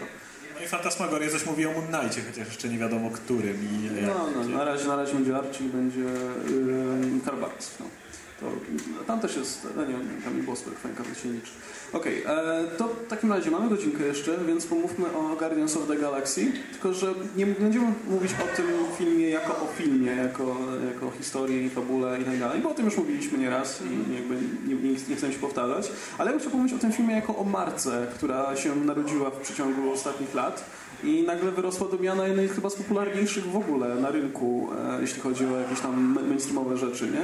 E, no, może nie jest to jeszcze na równi ze Star Wars czy, czy nie wiem, Spider-Manem, ale to, to jest rzecz, która wyrosła z, nagle, zupełnie, od zera praktycznie, no bo komiksy Guardians of the Galaxy, no to była rzecz bardzo niszowa, tylko Oscar to czytał nie więcej. Więc, a, te, a dzisiaj wszyscy wiedzą, kim są Guardians of the Galaxy, nie? To, to jest niesamowite, że wyszedł film e, po to, i, i na etapie właśnie teraz sequela, sequel zarabia dużo więcej w zasadzie niż pierwszy film, no bo wszyscy już tak polubili markę samą, nie? Jako Tak. koncept cały, cały tego, a nie, a, a nie, a nawet niekoniecznie sam film, nie? Nie zdziwię się, jak y, małe zabawki małego Gruta czy Roketa gdzieś zaczynają gonić Spidermana teraz w Możliwe. treści. Ale wiesz co, ja powiem Ci szczerze, że ja byłem pod wrażeniem, ile było głosów po premierze pierwszego Guardians of the Galaxy. Bo pierwsze Guardians of the Galaxy faktycznie było bardzo odcięte od uniwersum. Były minimalne powiązania tak naprawdę. E, I jak wiele osób chciało jak gdyby zachować to status quo, żeby, żeby Guardians pozostali odcięci, żeby nie stali się częścią e, uniwersum Marvela, że widzieli w tym jak gdyby duchowego następcę właśnie Star Wars w jakiś sposób i chcieli, żeby to w tej właśnie kompletnie odizolowanej bąbelku sobie pozostało. E, I to dla mnie świadczy o tym, że ludzie po prostu cenią, cenią tą markę samą z siebie i wielu, wielu jak gdyby widzów odnosiło wrażenie, jakby wiązanie tego z Marvelem w jakiś sposób by deprecjonowało jakość, czy umniejszało w jakiś sposób wyjątkowość tej jednej, tej jednej marki. Ja osobiście nie jestem temu przeciwny. Aczkolwiek jak wspomniałeś o tym, że tylko Oscar o tym przeczytał, bo to prawda niestety. Pamiętam o tym, jak Pamiętam o tym, jak zapowiedzieli ten film i wiesz, i mój znajomy, który wiedział, że ja czytam komiksy, przyszedł do mnie i pyta mnie, słuchaj, co to jest ten nowy film, co zapowiedzieli, jest nim Shop Prash i drzewo. I to jest coś z Marvela, nie miałem pojęcia o co chodzi. Takie, jest, wreszcie, udało się. Moje, moje drzewo, kochany, słucham cię. Właśnie ja chciałem powiedzieć, o co mi chodzi, dlaczego gadający shop i drzewo to coś tak wyjątkowego? Przecież to jest stare jak świat. No, no tak, to, Nie no rozumiem, trylogia Władcy Pierścieni była jakiś czas wcześniej, tam też były takie drzewa.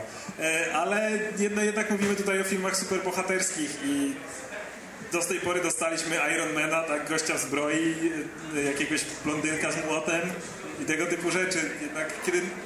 Może samo w sobie to jeszcze nie byłoby takie dziwne. Gdyby to było faktycznie odcięte od MCU, no to jeszcze widzieliśmy różne stworki w różnych filmach. Jakby to, to, to jeszcze samo w sobie by tak nie było. Ale kiedy zakładamy, że to jest ten sam świat cały czas, że to jest y, ta wielka machina i gdzieś tam na tej ziemi lata Iron Man, który sobie zrobił super drogą zbroję i zaraz może przylecieć do niego shop mały gadający, który będzie do niego nawalał ze splów albo będzie go mówił, jak to tam Stark się gówno zna, on tak naprawdę jest lepszy i lepsze rzeczy złoży, no to tutaj ta magia się wtedy pojawia, bo to zderzenie ze sobą jest takie dziwne. Wiesz co, magia e, komiksu w dużej mierze polega na zderzeniu konwencji różnych. Jak gdyby widzisz, jak się spotykają postacie z kompletnie różnych gatunków komiksów nagle i muszą ze sobą współpracować, wiesz. Thor Avengers jest zawsze cool, ale jak poczytasz jego solowe serie, to to jest bardziej taki komiks fantasy niż cokolwiek, wiesz, typowo superbohaterskiego. I e, jeśli chodzi o, Rocket, wiesz, o Rocketa w MCU, to jest pierwszy raz, kiedy tak naprawdę tego doświadczyliśmy w filmie, gdzie masz postać z kompletnie innej konwencji, która w jakiś sposób pojawia się w tym świecie. Dlatego, że jednak gadający shotpracz to jest coś, coś, coś niecodziennego, bym powiedział. Nie, nie, to są rzeczy, których nie widujesz codziennie. Plus jest to pełnoprawna postać, bo jak popatrzymy też na często na tego typu filmy, to jeżeli jest ten gadający zwierzak czasami, to on jest dowcipem, jest maskotką drużyny. Rocket ma swoją własną historię, tragiczną ewidentnie, jest pełnoprawnym członkiem drużyny, ma swoje własne storiarki, swoje własne historie, zarówno w pierwszej, jak i drugiej części. Jakby wnosi taki sam wkład we wszystko jak, nie wiem, Gamora czy Drax, czy niekiedy większy. I to jest, te, to daje też dużo. Mógłbyś sobie spokojnie wyobrazić jego jako ludzką postać, jakby wiesz, to, to, to właśnie nie, nie ma tego maskotkowości, tego efektu, nie?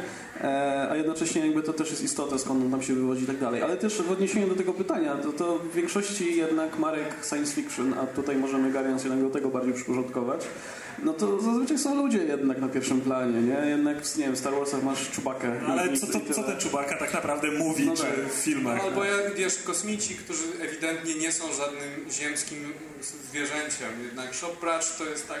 bardziej się kojarzy z czymś baśniowym, jakąś czymś dziecinnym bardziej, a jednak tutaj został wprowadzony no inaczej. Nie, ale też chodzi mi o różnorodność tej ekipy. Masz tych Guardiansów, gdzie, okej, dobra, możemy powiedzieć, że Gamora jest po prostu kobietą, która jest malowana na zielono, Drax podobnie, ale no, z drugiej strony no, Rocket i Groot się już wyróżniają bardzo. Nie? No, Groot jest taką czubaką trochę w tej, tej ekipie, ale Rocket już właśnie jest, jest postacią, która wygląda zupełnie inaczej. W większości jak tych marek to masz ludzi, nie? najwyżej są przymalowani na inny kolor, ale są bardzo humanoidalni. Tutaj jednak tak nie jest. Mogliby rozszerzyć jeszcze bardziej ten skład w którymś momencie. Teraz mamy Mantis jeszcze, która już też zaczyna... Jest oczywiście humanoidalna, ale, ale już ma jakieś cechy, ale też nie miałbym nic przeciwko, gdyby pojawiły się inne, inne postacie. Bug. Bug, tak, absolutnie. Zatem, przynajmniej ja mam takie wrażenie, że momentami e, Strażnicy Galaktyki działają jak swoista trochę parodia Avengersów. E, zupełnie inaczej wygląda, powiedzmy, sposób, jak wyglądały batalie, w których bra brali udział Strażnicy Galaktyki, a Avengersi. Inaczej to wygląda, kiedy w pierwszych Avengersach widzimy, kiedy oni wszyscy już się dogadują i Kapitan Ameryka faktycznie wyznacza im jakieś zadanie, a inaczej, kiedy Star-Lord po prostu odpala muzykę i wszy, wszyscy zajmują się swoimi rzeczami. Inne są bardziej takimi luzackimi, że tak powiem, Avengersami w pewnym stopniu. No to była wyjątkowość pierwszego filmu. Dzięki w ogóle za głos. E, I no ja się zgadzam z Tobą. To my, wydaje mi się, że to jest coś, co e, Guardians trochę tracą w tym momencie. E, Pierwszy film faktycznie był takim troszeczkę luźniejszym podejściem w ogóle do tego gatunku. Aczkolwiek nie zapominajmy o tym, że Guardians tak naprawdę nie należy do gatunku, do którego należy większość filmów z MCU. To nie są Avengers, bo oni nie są superbohaterami. Właśnie warto pamiętać, że oni są dużo słabsi. Jak patrzymy na Thora, na Ironmana, na Hulka, to wszystko są naprawdę potężni herosi, którzy miażdżą inwazję kosmitów. No, Rocket jest szopem, który strzela z wielkich splów, ale nie ma jakiejś supermocy czy czegoś takiego. Tak naprawdę jedna osoba, która się tu kwalifikuje z supermocami jest Groot. No, Powiedzmy. bo pozostali mają najwyżej, wiesz, super siłę. Są troszkę wytrzymalsi. Jak Jack Flag. Troszkę Więc tak. gra- Gratulacje. Właśnie, Jack Flag był członkiem Guardians of the Galaxy, go wprowadzić. I po, w pewnym momencie po prostu o nim zapomnieli i przestał występować. Ale nie, serio mówiąc, no to y, nie, ja widzę, widzę tutaj, że pierwsze, pierwsze Guardians faktycznie było dużo luźniej poprowadzone niż większość filmów e, w tym uniwersum, ale równocześnie mogli po prostu wyjść poza te ramy gatunkowe, których się zazwyczaj muszą trzymać. Plus są pewne też podobieństwa w jakby funkcjach niektórych osób. W, Na przykład? Na przykład masz e, Draxa, który jest takim człowiekiem rozwalko, rozwałką podobnym stylu co Hulk, tylko zro, robi to inaczej. Masz Nie, nie zgodziłbym się z tym. Ja też bym się nie zgodził, ale kontynuuj, kontynuuj. Ja się zgadzam. Z drugiej strony tak samo Ro Rocket przypomina mi Irona jako jedyna osoba bardziej się skupiająca na technologii niż na sa samym tym, co Tony Stark by się raczej nie zgodził. Czy ja mam wrażenie, że Rocket w odpowiednich momentach to właśnie jest taki mały Hulk tej drużyny, bo jak on się wkurzy, to po prostu wszystko, wszystko ginie dookoła niego. Wszystko jest niszczone, więc w tym wypadku, nie wiem, ja jak patrzę na Rocketa, mam większe skojarzenia z Hulkiem akurat. A... Natomiast Drax to, jak już to bardziej przypomina pod pewnymi względami Thora, który też często nie wie, co powiedzieć w danej chwili, ale to też są drobne I, I podobieństwa. też jest ten dowcip, że wiesz, że jest ta bariera kulturowa i nie wie co powiedzieć i mówi głupoty. Jest taki twardy. Ja widzę w tym, ja widzę Draxa jako Thora. E, nie, no szczerze mówiąc, możemy się bawić takimi analogiami cały dzień. Każdy bohater ma jakieś podobieństwo między sobą, moim zdaniem. Dzięki za głos. Chcecie coś dodać jeszcze do tego? E, no bo dobra, to tak próbujmy... E, dobra, to jeszcze... jeszcze, jeszcze Bo ja tego nigdy nie rozumiałem. Pokiego ego dał raka matce Star-Lorda? To nie, nie będziemy... Ale wiesz, nie, nie wchodźmy w spoilery jeszcze, ten film stosunkowo niedawno wyszedł, więc... E, ale tak jak mówiłem, no nie, nie chcemy mówić o samym filmie, no bo robiliśmy materiały o tym i mówiliśmy o tym w podcaście, bez sensu, żeby jeszcze raz o tym mówić tu, tutaj.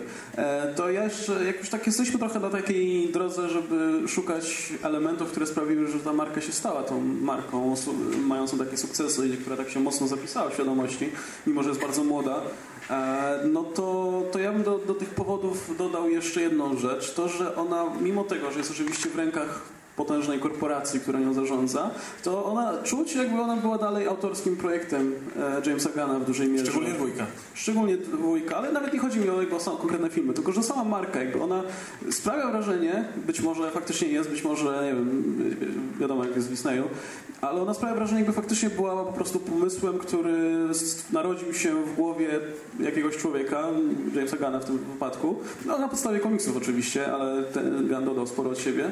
E, dodał sporo rzeczy, które sam lubi, które sam w jakiś sposób go inspirują. I to wyszło, i to chwyciło jakoś, nie? Masz, masz wrażenie, że to, znaczy nie wiem, może ja jestem naiwny po prostu, ale ja mam takie właśnie poczucie, że inaczej niż w przypadku, nie wiem, Star Warsów nowych, inaczej niż w przypadku Avengers, e, mniej czu, czuję tutaj, że to jest taki projekt zarządzany przez wiele osób, gdzie wiele osób wpływa jakby na poszczególne elementy, tak żeby one były, wiesz, dobre marketingowo. Tutaj mam wrażenie, jest więcej, no mówię, po- ponownie, może tylko takie mam wrażenie, ale odnoszę właśnie wrażenie, że tu jest więcej takiego, takiej partyzantki trochę. Takich, wiesz, pomysłów, które rzucamy i zobaczymy, czy, czy, czy chwycą. W dwójce szczególnie, nie? Gdzie, No to- gdzie film jest trochę e, takim właśnie bałaganem pomysłów. Wiesz, w momencie jak, to zawsze tak jest, że wiesz, w momencie jak pierwszy film zarabia naprawdę dobrze i dostaje świetne oceny, no to studio daje wolną rękę reżyserowi przy drugiej części, bo mu ufają, że wie, co się sprzeda. I to czasami... No, z Widonem w Avengers 2 tak nie było. No nie było akurat z tym. Faktycznie, jest wyjątek. Ale to też dlatego, że Avengers to jest to takie skupienie wszystkiego. Na Avengers składają się filmy Thor, Iron Man, Kapitan Ameryka. To wszystko ma się tu łączyć. No, co się składa na Guardians 2? Guardians 1 i nic więcej, więc tak była kontynuacja. Więc ni, trochę nic dziwnego, że tu może być wolniejsza ręka No, niż... warto wiesz, w sumie pamiętać o tym, że e, MCU działa jak serial tak naprawdę, gdzie Avengers to jest finał sezonu. I mu musi, wiesz, tutaj muszą się pojawić wszyscy, musi być jakaś wielka intryga i tak dalej. I później wracamy do normalnego, prawda, rozkładu. I no to wiadomo, że Avengers będzie jakby takim największym, najważniejszym filmem dla Marvel Studios, jeśli chodzi o to, co właściwie w nim jest, bo to jest taki właśnie, wiesz, finał danej fazy, czy danej, wiesz, sezonu, w cudzysłowie, tego serialu. Okej, czy coś wam przychodzi do głowy jeszcze, jeśli chodzi o przyczyny popularności Guardians? Wydaje mi się, że setting, czyli to, że jest to nie tylko oderwane fabularnie, ale też oderwane lokacją. I dzięki temu, że to dzieje się w odległej galaktyce, może niedawno, dawno temu, ale cały czas ten dystans powoduje, że Gun może sobie na, mógł sobie tam na, na więcej pozwolić. Jeżeli wrzucimy właśnie obcego, który zachowuje się w taki, a nie inny sposób, mamy jakieś dziwne, dziwne stwory, dziwne sytuacje, y, dziwną złotą rasę, która korzysta ze statków jak automaty, to nasze zawieszenie niewiary jest dużo dużo łatwiej nam zawiesić niewiarę na pewno w tym momencie i po prostu kupić wszystko, co tutaj się dzieje, kiedy no, w tych filmach na ziemi w cudzysłowie są pewne ramy, które, które ograniczają. I ta, I ta wolność wydaje mi się dużo tutaj daje. E, no dobra, to tak w odniesieniu do innych filmów Marvela. Też wydaje mi się, nie wiem, się zgodzicie, że jakby nie mamy też za dużo filmów, które ogólnie się dzieją w kosmosie. Jakby marek, które właśnie by o ten kosmos zahaczały. No, no mamy Star Wars oczywiście, reaktywowanych już po Guardiansach. E, ale poza tym nie za bardzo coś takiego widać, nie? No były próby na przykład z Jupiter, Jupiterem intronizacją niezbyt udane. E, teraz będą próbować przełożyć Waleriana na, na właśnie na mm, język kina powiedzmy. No, Star Treki jeszcze były, ale chyba no, były Star Treki, ale się nie, nie sprzedały, tak. E, Ostatni w ogóle nic nie zarobił, więc e, to nie jest łatwe dalej. Jakby to nie jest tak, że publika bierze wszystko, co wychodzi w kosmosie. Nie, jakby nie, nie ma, nie jest jakby coś, co sprzeda się automatycznie film jednak, nie? Więc tym bardziej chyba e, ten sukces jest znaczący, nie? Że, że, no, że udało się stworzyć space operę praktycznie, którą sprzedano szerokiej publice. No wiesz, to co się udało w Guardians to jest autentyczna różnorodność, gdzie faktycznie masz różne wiesz, istoty, różne światy, które wydaje, patrzysz na nie i widzisz natychmiast, że są z kompletnie innych miejsc, przez kompletnie kogo innego zbudowane. I to myślę, że w dużej mierze było, to, do, do, przyczyniło się do wrażenia autentyczności tych wszystkich miejsc, nawet jeśli wiesz, jest ta rasa złotych ludzi, którzy sterują statkami w salonie arcade praktycznie, czyli coś naj, najgłupszego, co możesz pomyśleć w pierwszej chwili. E, no tak, właściwie tutaj też się zdziwiłem, jak Oskar powiedział, że setting, dlatego że wiesz, hej, pamiętam Green Lantern, więc też No, tak, ale Green Lantern polegał na tym, że polecieli na jedną planetę, którą pokazali nam przez 5 minut i to była jedyna dobra rzecz w całym tym filmie, po czym nas stamtąd No, zabrali. Dyskusyjne. Po czym nas Najlepsza, nie no, niech będzie, dobra. Niech będzie, że najlepsza, ale po, po czym nas stamtąd zabrali. Tutaj nie ma tej ściemy na zasadzie pomachamy wam tym kosmosem, który jest tam tam, ale tutaj zajmijmy się na ciebie. No, za to jest krytykowany w dużej mierze drugi Thor. Gdzie mamy najciekawsze rzeczy Asgard i mówi się o Thor, mroczny świat, a cała akcja kończy się na ziemi jakby. Kiedy wszyscy chcieli, żeby ten Thor przestał na tą ziemię zaglądać już na jeden film. I wszystko wskazuje na to, że w nowym Thorze zacznie się od ziemi, a potem już nic tam nie wróci. I, i, to, I to była duża wada. Tutaj właśnie była ta autentyczność, powiedzieliśmy, że chcą nam pokazać tą obcość, a nie tylko zrobić z niej pretekst do fabuły na zagładę ziemi. Właśnie jak oglądasz Guardians, to w, na każdej nowej jakiejś planecie, czy w nowym miejscu w jakimś są, wiesz, że będą kompletnie inne rzeczy, niepodobne do tego z poprzedniej jak gdyby sceny, czy coś w tym stylu. I to myślę, że w dużej mierze jakby to, to pomogło. Jeśli chodzi o setting w kosmosie, bo niestety setting w kosmosie bardzo często kończy się na praktycznie wszystkim wyglądającym tak samo, tylko że na tle gwiazd i to wszystko. Tak, albo innym kolor gradi- gradingu niż na Ziemi. E, Znaczy ja bym w ogóle chciał, żeby inne studia i Marvel zresztą też to chwyciły po prostu, tak jak no, mamy, mamy teraz tego Thora, który do tej pory był, próbował być fantazy, ale z drugiej strony był też taką historyjką, która się działa na Ziemi. E, No a trzeci już będzie w kosmosie, tak? będzie już taką otwartym filmem drogi w kosmosie, z tego co e, reżyser mówi póki co. Ja bym, ja bardzo bym chciał, żeby ten Thor odniósł sukces, bo Guardians już odniosło sukces, Thor chciałem, żeby odniósł sukces, to może inne studia też to załapią i stwierdzą, hej, mamy też kosmiczne rzeczy u siebie, moglibyśmy z tego skorzystać. Oczywiście e, tutaj patrzę na Fox przede wszystkim, nawet nie o ich fantastyczną czwórkę i resztę. No ale mówi się o tym, że... Ale fajnie by było, jakby X-Men ruszyli w kosmos. Mówi się o tym, że fani Dark Phoenix, czy jakkolwiek to macie nazywać, wreszcie będzie się działo w kosmosie. Przynajmniej się o tym mówi.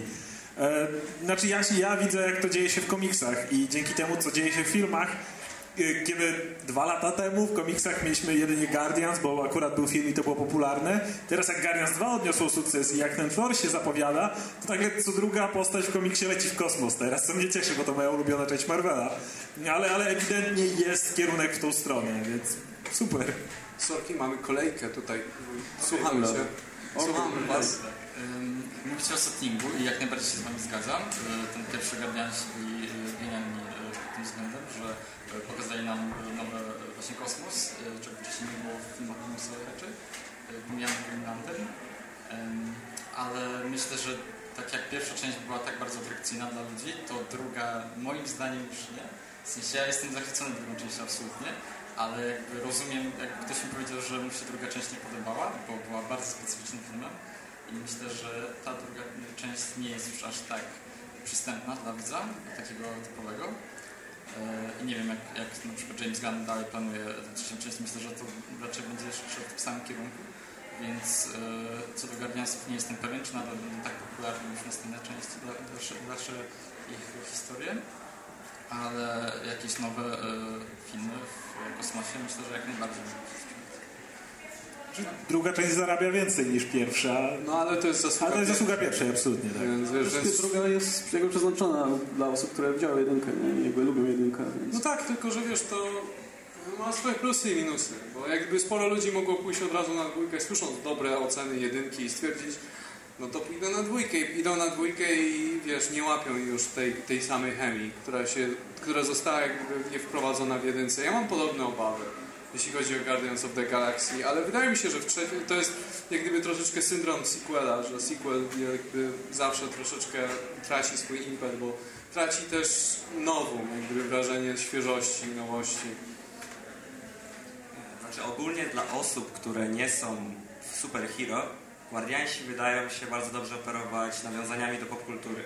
Nawiązaniami do historii, czy znaczy do historii, w sensie do, z historii kultury, przez muzykę, przez te elementy właśnie jak Walkmany, czy, te, czy odtwarzacze, e, czy nawiązania do innych filmów. No generalnie Guardiansi dobrze operują tym, tą historią właśnie popkultury, która może trafiać do ludzi właśnie po 30, po 40, czyli ogólnie po prostu wychowujących się w latach 80., 90.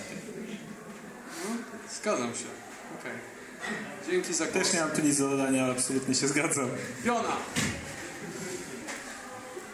A co do dwójek, ja często w recenzjach, między innymi waszych, widzę, że Wam się nie podoba, jak e, historia, ja się powtarzę, że dwójka to w sumie jeszcze raz e, jedynka, tylko udajemy, że tak to kontynuacja. A tutaj tak nie ma i też się nie podoba. E, To jaki jest ten złoty środek? No, z-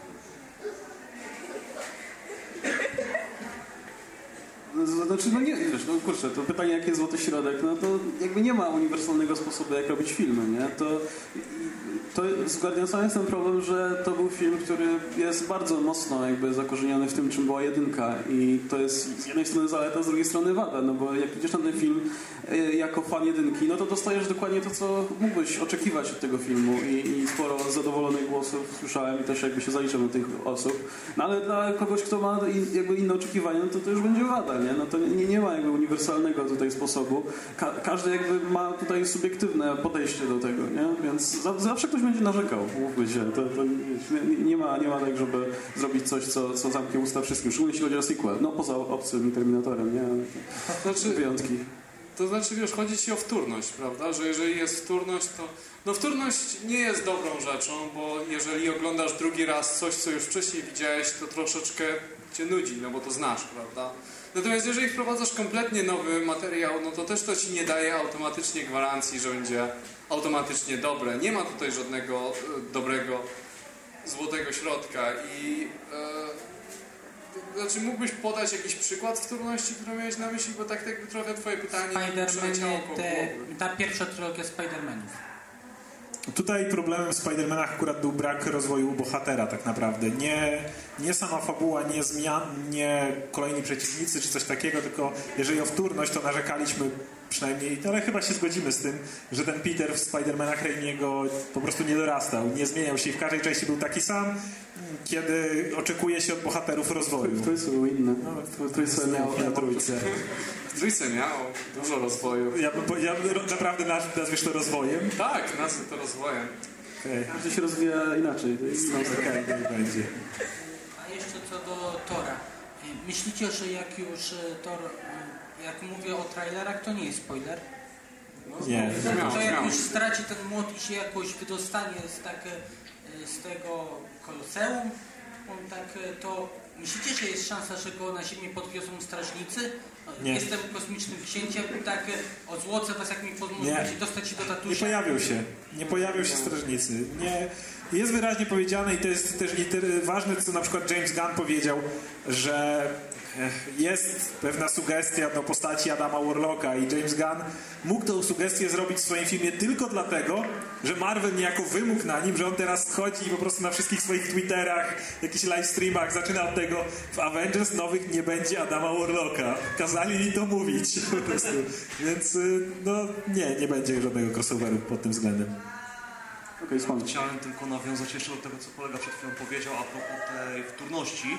E, pewien schemat po prostu być musi, bo e, jeśli pierwszy film będzie oparty o dany schemat i reżyser w kontynuacji będzie chciał pójść kompletnie gdzie indziej, to po prostu to mu się nie sprzeda. Wiesz co, no to jest Tak właśnie problem. wydaje. Właśnie to jest problem, Jakiś który schemat mieliśmy... po prostu w tym musi być, e, co prawda rozwijany trochę, bądź modyfikowany, ale pewien schemat tak. Słuchaj, e, sorki w ogóle, że Ci przerywałem, dzięki za głos. E, wiesz co, e, to był właśnie problem, jaki miałem przy odpowiadaniu z poprzednim pytaniem. Jak gdyby oczywiście, że są uniwersalne różne schematy filmowe, niektóre z nich z czasem zmieniają się w klisze i są banalne i kiedy je widzisz, to są wręcz nieznośne, ale oczywiście zawsze, szczególnie w takich filmach, wiesz, popularnych, przygodowych i tak dalej, zawsze idzie się wedle pewnej struktury, pewne, wedle pewnego szkieletu. I no okej, tylko że wiesz, zawsze możesz wprowadzić jakąś innowację do tego i to jest, i to... Tak, tak, ale jeżeli wprowadzisz jakąś innowację do tego schematu, to jest zawsze mile widziane. Jak ci to wyjdzie koniec końców, to jest inna, inna kwestia i to właśnie, to właśnie próbowałem powiedzieć poprzednio. Marvela filmy ogólnie są bardzo schematyczne i wiele ma bardzo podobnych elementów, ale ponieważ oni tak bardzo stawiają na bohaterów i wielu bohaterów zupełnie inaczej reaguje w dokładnie tych samych sytuacjach. Popatrzmy najbardziej porównywane filmy Doctor Strange i, i Iron Man.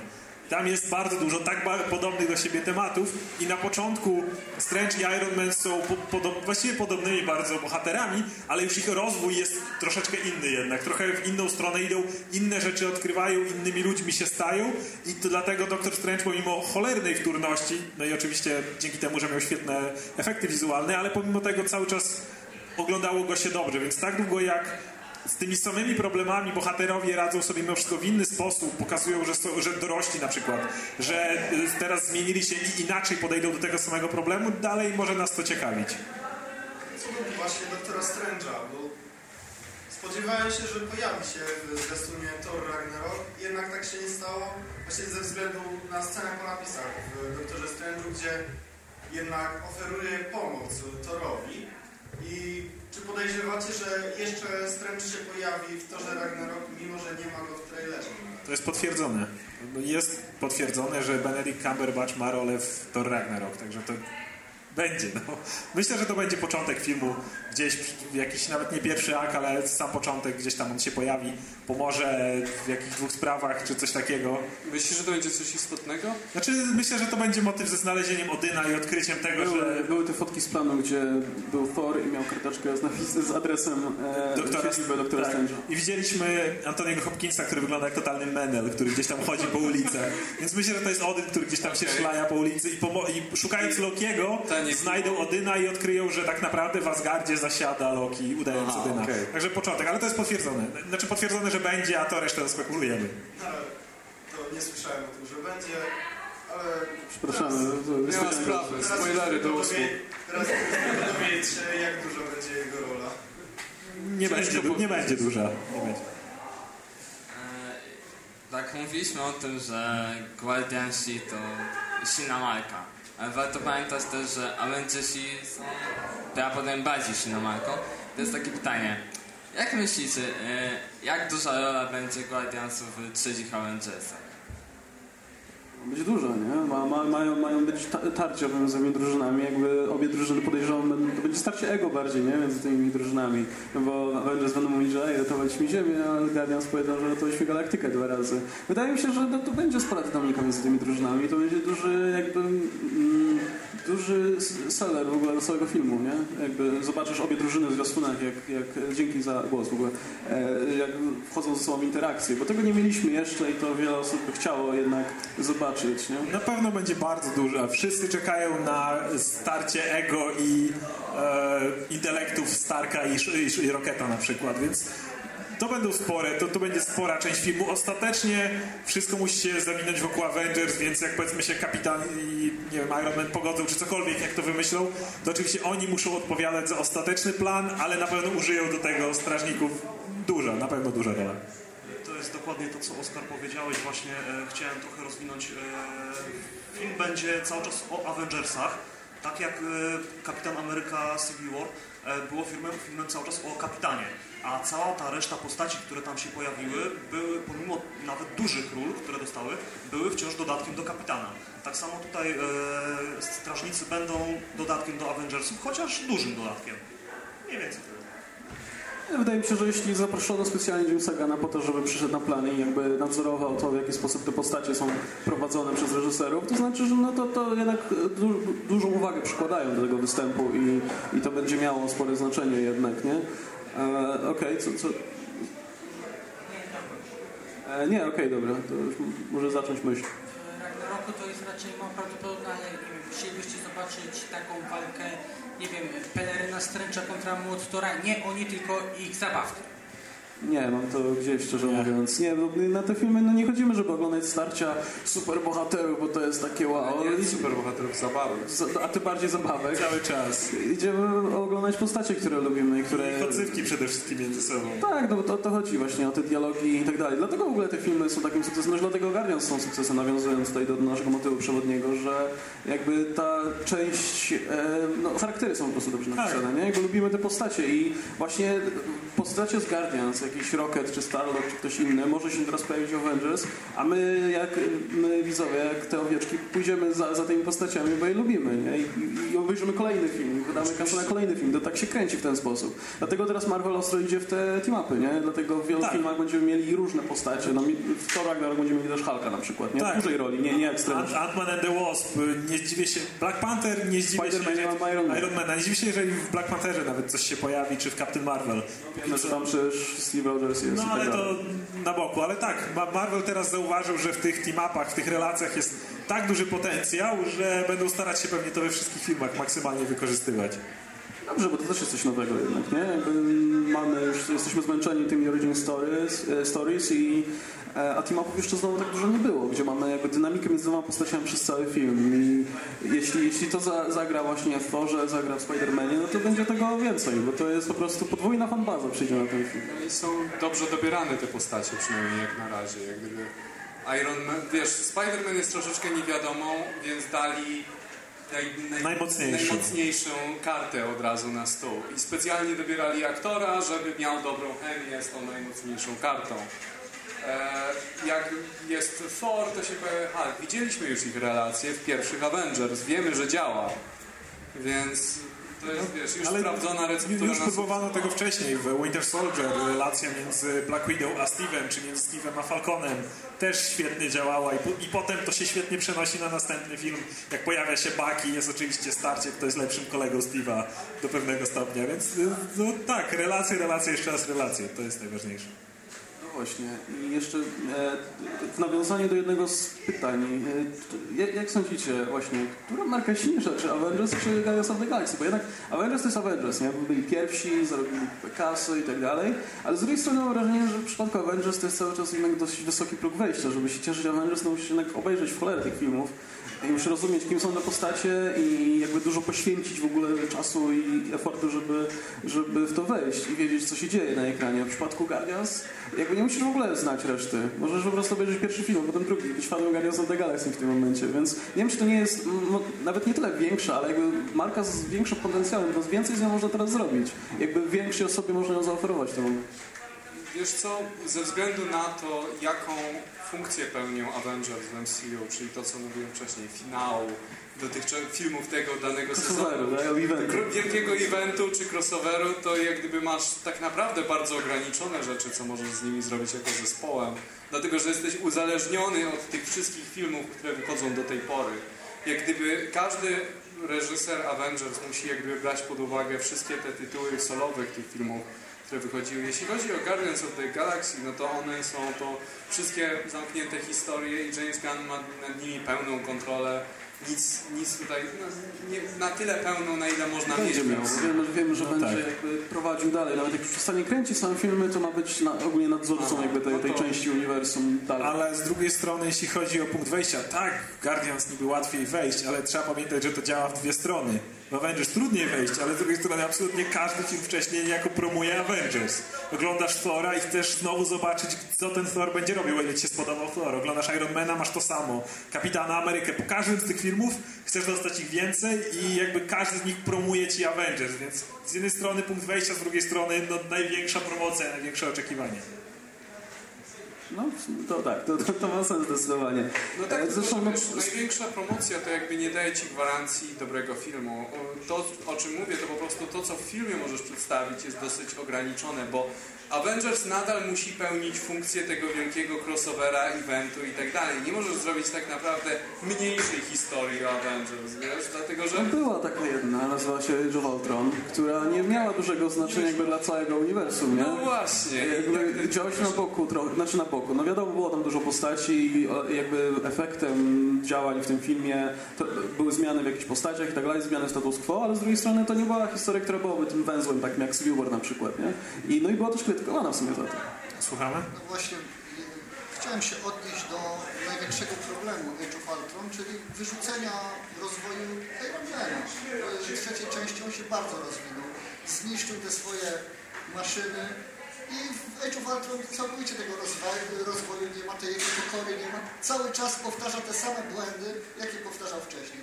Nadal jest zanufany, nadal tworzy oprogramowanie, którego tworzyć nie powinien po prostu wszystko czuwalką cofnięto rozwój, jakby część trzecia Jeromona się nie wydarzyła. Ale wiesz, jeśli chodzi o to, co tam robią banner ze Starkiem, to to jest w ogóle jakiś kompletny idiotyzm. Tak jest. Zbudujemy szalone, szaloną sztuczną inteligencję. To brzmi jak dobry pomysł, no. I idą tam i, i robią to. I, tak, no gratulacje chłopaki, udało się. Ja się nie zdziwię, jeżeli to wynikało z trochę przepracowania Widona, bo wszyscy, którzy mieli okazję wejść na plan Avengers 2, mówili, że on wyglądał jak zwłoki po prostu, jak robili z nim wywiady, że wyglądał jak zombie. Był tak zmęczony po jednym tak ogromnym filmie jak Avengers przejść do drugiego. Tutaj na przykład bracia Russo mają łatwiej, bo jest ich dwóch chociażby. E, I, i, i Whedon był po prostu tak wykończony, nie zdziwię się, jeżeli po prostu pracował nad skryptem, nad wszystkim do Avengers 2, zanim Iron Man 3 w ogóle wyszedł i potem przerabianie tego jeszcze raz było dla niego masakryczne, bo zwróć uwagę, że już w Civil War to jest zupełnie inny Tony Stark i on tam już faktycznie się nauczył, tam już faktycznie zachowuje się inaczej i decyzje, które podejmuje Civil War wynikają z tego, co zrobił wcześniej, bo to wyszło faktycznie później. Ale Avengers 2 myślę, że to był taki projekt, który jeszcze, na który jeszcze studio i przez Whedon nie byli gotowi w tym, na tym etapie. No, po prostu był wykończony i wyszło jak wyszło. Słuchaj, dziękujemy za poprzednią wypowiedź i słuchamy. Jeżeli chodzi o pytanie o silniejszą markę, to na korzyść Avengersów wynika to, że dla Marvela to jest tak sprawdzona marka, że podobno na trzecią część chcą dać pół milion, miliarda dolarów. No tak, dlatego, że tak jak mówiłem, e, Avengers ma po prostu promocję ze wszystkich stron. Czy to będzie świetny film, dowiemy się, film wyjdzie. Ale póki co, ponieważ absolutnie każdy film, który wychodzi, nawet Guardian spróbuje kolejny Avengers, no to się rzeczy nie boją się wydać kasy, bo hej, Poza tym Avengers nie mają innego wyjścia, jak być dużym filmem. Po prostu nie możesz inaczej w nich zrobić. Nie możesz zrobić filmu, że o, Avengers idą na piknik, czy coś w tym stylu. Na szarne. Czy- Na szarne. Na szarne. Jakby, czy nawet, wiesz, taka, tak jak było Czy do domku Hawkeye'a. gdzie po prostu jest wszystko na, jakby po prostu wyruszają na obcą planetę i tam się, wiesz, wszystko odwraca. właśnie, właśnie próbowano Musisz być dwójce, spektakl. Właśnie, to, przepraszam, ale właśnie próbowali dwójce, zro, Widon próbował zrobić taki po, motyw, że no, Avengers są na tej farmie i oni są po prostu w cywilu i mają relacje, no to studia nie chciały, nie, sorry, nie. studio było tak bliskie wycięcia tego w ogóle. I nikomu to się nie podobało w sumie, więc wiesz. Dobrze. Dziękujemy za głos i prosimy. A co uważacie na temat tego, że poza Strange'em i być może Spider-Manem wszyscy zabijają e, swoich przeciwników? Tak, czy nie boicie się, że po prostu w końcu nie będzie z kim walczyć? A no to znajdą. Nie no, znajdą się, no te komiksy są pełne przeciwników, ale... Jak no, się będą kończyć, to wtedy przestaną ich zabijać? Albo, Albo ich wskrzeszą. albo odkupią Ale, tworzyć. znaczy, to jest realny problem tylko z tego powodu, że e, dostajemy czasami bardzo dobrych aktorów, którzy grają tych złoczyńców, jak Mads Mikkelsen, chociaż akurat on niby nie zginął, ale powiedzmy. I, I oni przez to, że są kasowani, no wiemy, że nie zostaną rozwinięci. Wiemy, że są na raz i, i do widzenia. Kiedy faktycznie złoczyńca przeżyje, jest szansa, że powróci i nawet ta mikrorola, którą pełnił, daje mu już jakiś rozwój i powiedzmy w drugiej części można mu dać więcej. Więc no jest to pewien problem. Ale właśnie dla mnie nawet nie jest problemem to, że znikają ci złoczyńcy, że ci aktorzy są wykorzystani, e, wykorzystani, bo jak to dramatycznie zabrzmiało. Nie, po prostu chodzi o to, że oni się pojawiają, a potem już nie można ich użyć, nie? No bo się już pojawili, jakby twarz już już i tak dalej. No, no ten Mats Mikkelsen, no nie, no już nie wróci, nie? No masz Matsa Mikkelsena, świetnego aktora, bardzo charakterystycznego, który mógłby spokojnie w tym uniwersum grać przez ileś tam filmów, nikt by nie narzekał, nie? I, i dalej. Ja się tak właśnie boję Michaela Keatona, ja bym chciał go zobaczyć w jakiejś dużej roli po prostu przez ileś tam filmów, ale zdaję sobie sprawę... śmigło go wkręci. Zdaję sobie sprawę, latał. że tak, będzie latał, wpadnie w śmigło samolotu, czy czekać i tyle będziemy mieli Michaela Keatona. Spider-Man nie zabił, ale, ale wiesz, tam gdzieś mu odrzut odpalił i sam się zabił. No ale to jest właśnie dla mnie większy problem. To jest trochę marnotrawstwo tych aktorów, nie? Już pomijając fakt, że zwykle właśnie to się, to się wiąże z zawodem, gdzie masz świetną obsadę, a oni nie są wykorzystani zupełnie. I tu warto dodać, że cieszy ogłoszenie, że Kate Blanchett będzie miała rolę w Avengers Infinity, czyli w trzeciej części Avengers. Czyli dwa filmy, nie jest. Czyli już wiemy, że przeżyje Ragnarok, czyli może będą- mają plany, żeby jak, jak się rozbudować. I może mniej będą zabijać już złoczyńców. Myślicie, że po tym Infinity War to ta rękawica nieskończoności, nie wiem, jak coś zmniejszy, czy blisko jest retkonuje coś, czy y, obędzie się bez tego jeszcze? obejdzie się. Nie, na, nie jesteśmy jeszcze na etapie, w którym będzie zmieniana rzeczywistość w filmach. To w tej chwili zrobiłoby za duży mętlik w głowie widzów po prostu. Dziękujemy za wypowiedź i słuchamy. Tak, to e, co do tego pytania, co do Habot, e, która marka jest silniejsza? Moim zdaniem Avengers jest silniejszą marką, bo e, jakby samo Avengers nie powstało tak nagle. Najpierw były filmy Iron Man, był film o Hulku, w pewnym sensie, były filmy o Torze, o Kapitanie. To było jakoś zbudowane poprzez to, samo Avengers było zbudowane przez te inne filmy, przez te inne marki, jakby, które są, którymi są konkretne postacie. E, jakby sama Avengers jest takim centrum całego MCU, a jednak Guardiansi są totalnie z boku. E, Tam czasem trochę się właśnie przeplata coś, albo teraz w Infinity War jakoś to fajnie, teraz może zagrać razem, ale myślę, że właśnie to, co mówiłem parę minut temu, to e, że to jest tak specyficznie się robi, już ta druga część się zrobiła i myślę, że dalej to też pójdzie, że to będzie miało już jednak odosobnione grono fanów, a jednak Avengers będzie totalnie dla wszystkich, jak to całe MCU. Myślę, że jak ktoś ogląda MCU, to też to ogląda i myślę, że większość ludzi właśnie ogląda jakiś tam film o Iron Manie, o Kapitanie i też o Avengers. To dla wszystkich, którzy śledzą je na bieżąco, bo to jest ten problem Avengers oczywiście, że tak, jest to jakby jak mówiłem, wszystko promuje Avengers, ale z drugiej strony jak się tego nie śledzi na bieżąco, już przy Civil War ludzie narzekali, że tam zbyt wiele jest powiązań i ktoś nie oglądał tego jednego filmu i nie do końca rozumie, co tam, o co tam właściwie chodziło w jakiejś relacji. No ale wiesz, jest jeszcze kwestia, za chwilkę Ci dam głos. E, Co rozumiesz przez silniejsza marka? Jak gdyby, czy jest silniejsza marka dlatego, że na pewno się lepiej sprzedaje, czy jest bardziej długowieczna? Bo ja osobiście myślę, że e, jeżeli popatrzysz na argument długowieczności, która z nich jak gdyby będzie dłużej pamiętana, albo ma potencjał bycia dłużej kontynuowaną, wydaje mi się, że tutaj Guardians może lekko wygrywać, natomiast oczywiście market- marketingowo po prostu Avengers nie ma wyjścia, musi być wielkie, musi być rozbudowane, musi być gigantycznym spektaklem, bo to jest, wiesz, kulminacja wszystkiego, co się do tej pory działo. Pytanie mam, czy uważacie, czy w sumie, e, jaka nowa marka mogłaby wejść na ten superbohaterski rynek, e, żeby mieć szansę na e, sukces, powiedzmy? Czy są jakieś takie nowe marki, no, nowe, no, nie No, nowe w komiksach, ale e, marki, które mogłyby zyskać e, coś, na przykład, czy jest e, możliwość wprowadzenia Namora do uniwersum? Albo tego typu postaci, które się nigdy do tej pory nie pojawiły, a w komiksach znaczą dużo. Namor ma chyba jakieś problemy z prawami autorskimi. Teoretycznie. Tak i nie, już teraz był, był wielki tis- teasowanie, że jakaś tam e, Disney Ride, czy, czy inna kolejka e, Disneya, zauważono tam róg Poseidona gdzieś. I to, Ale nie, no to jest, dobre, to jest dobre pytanie. Także prze, przeprosimy Cię jeszcze na chwilę, ok? Chcieliśmy jeszcze na, nawiązać do tego.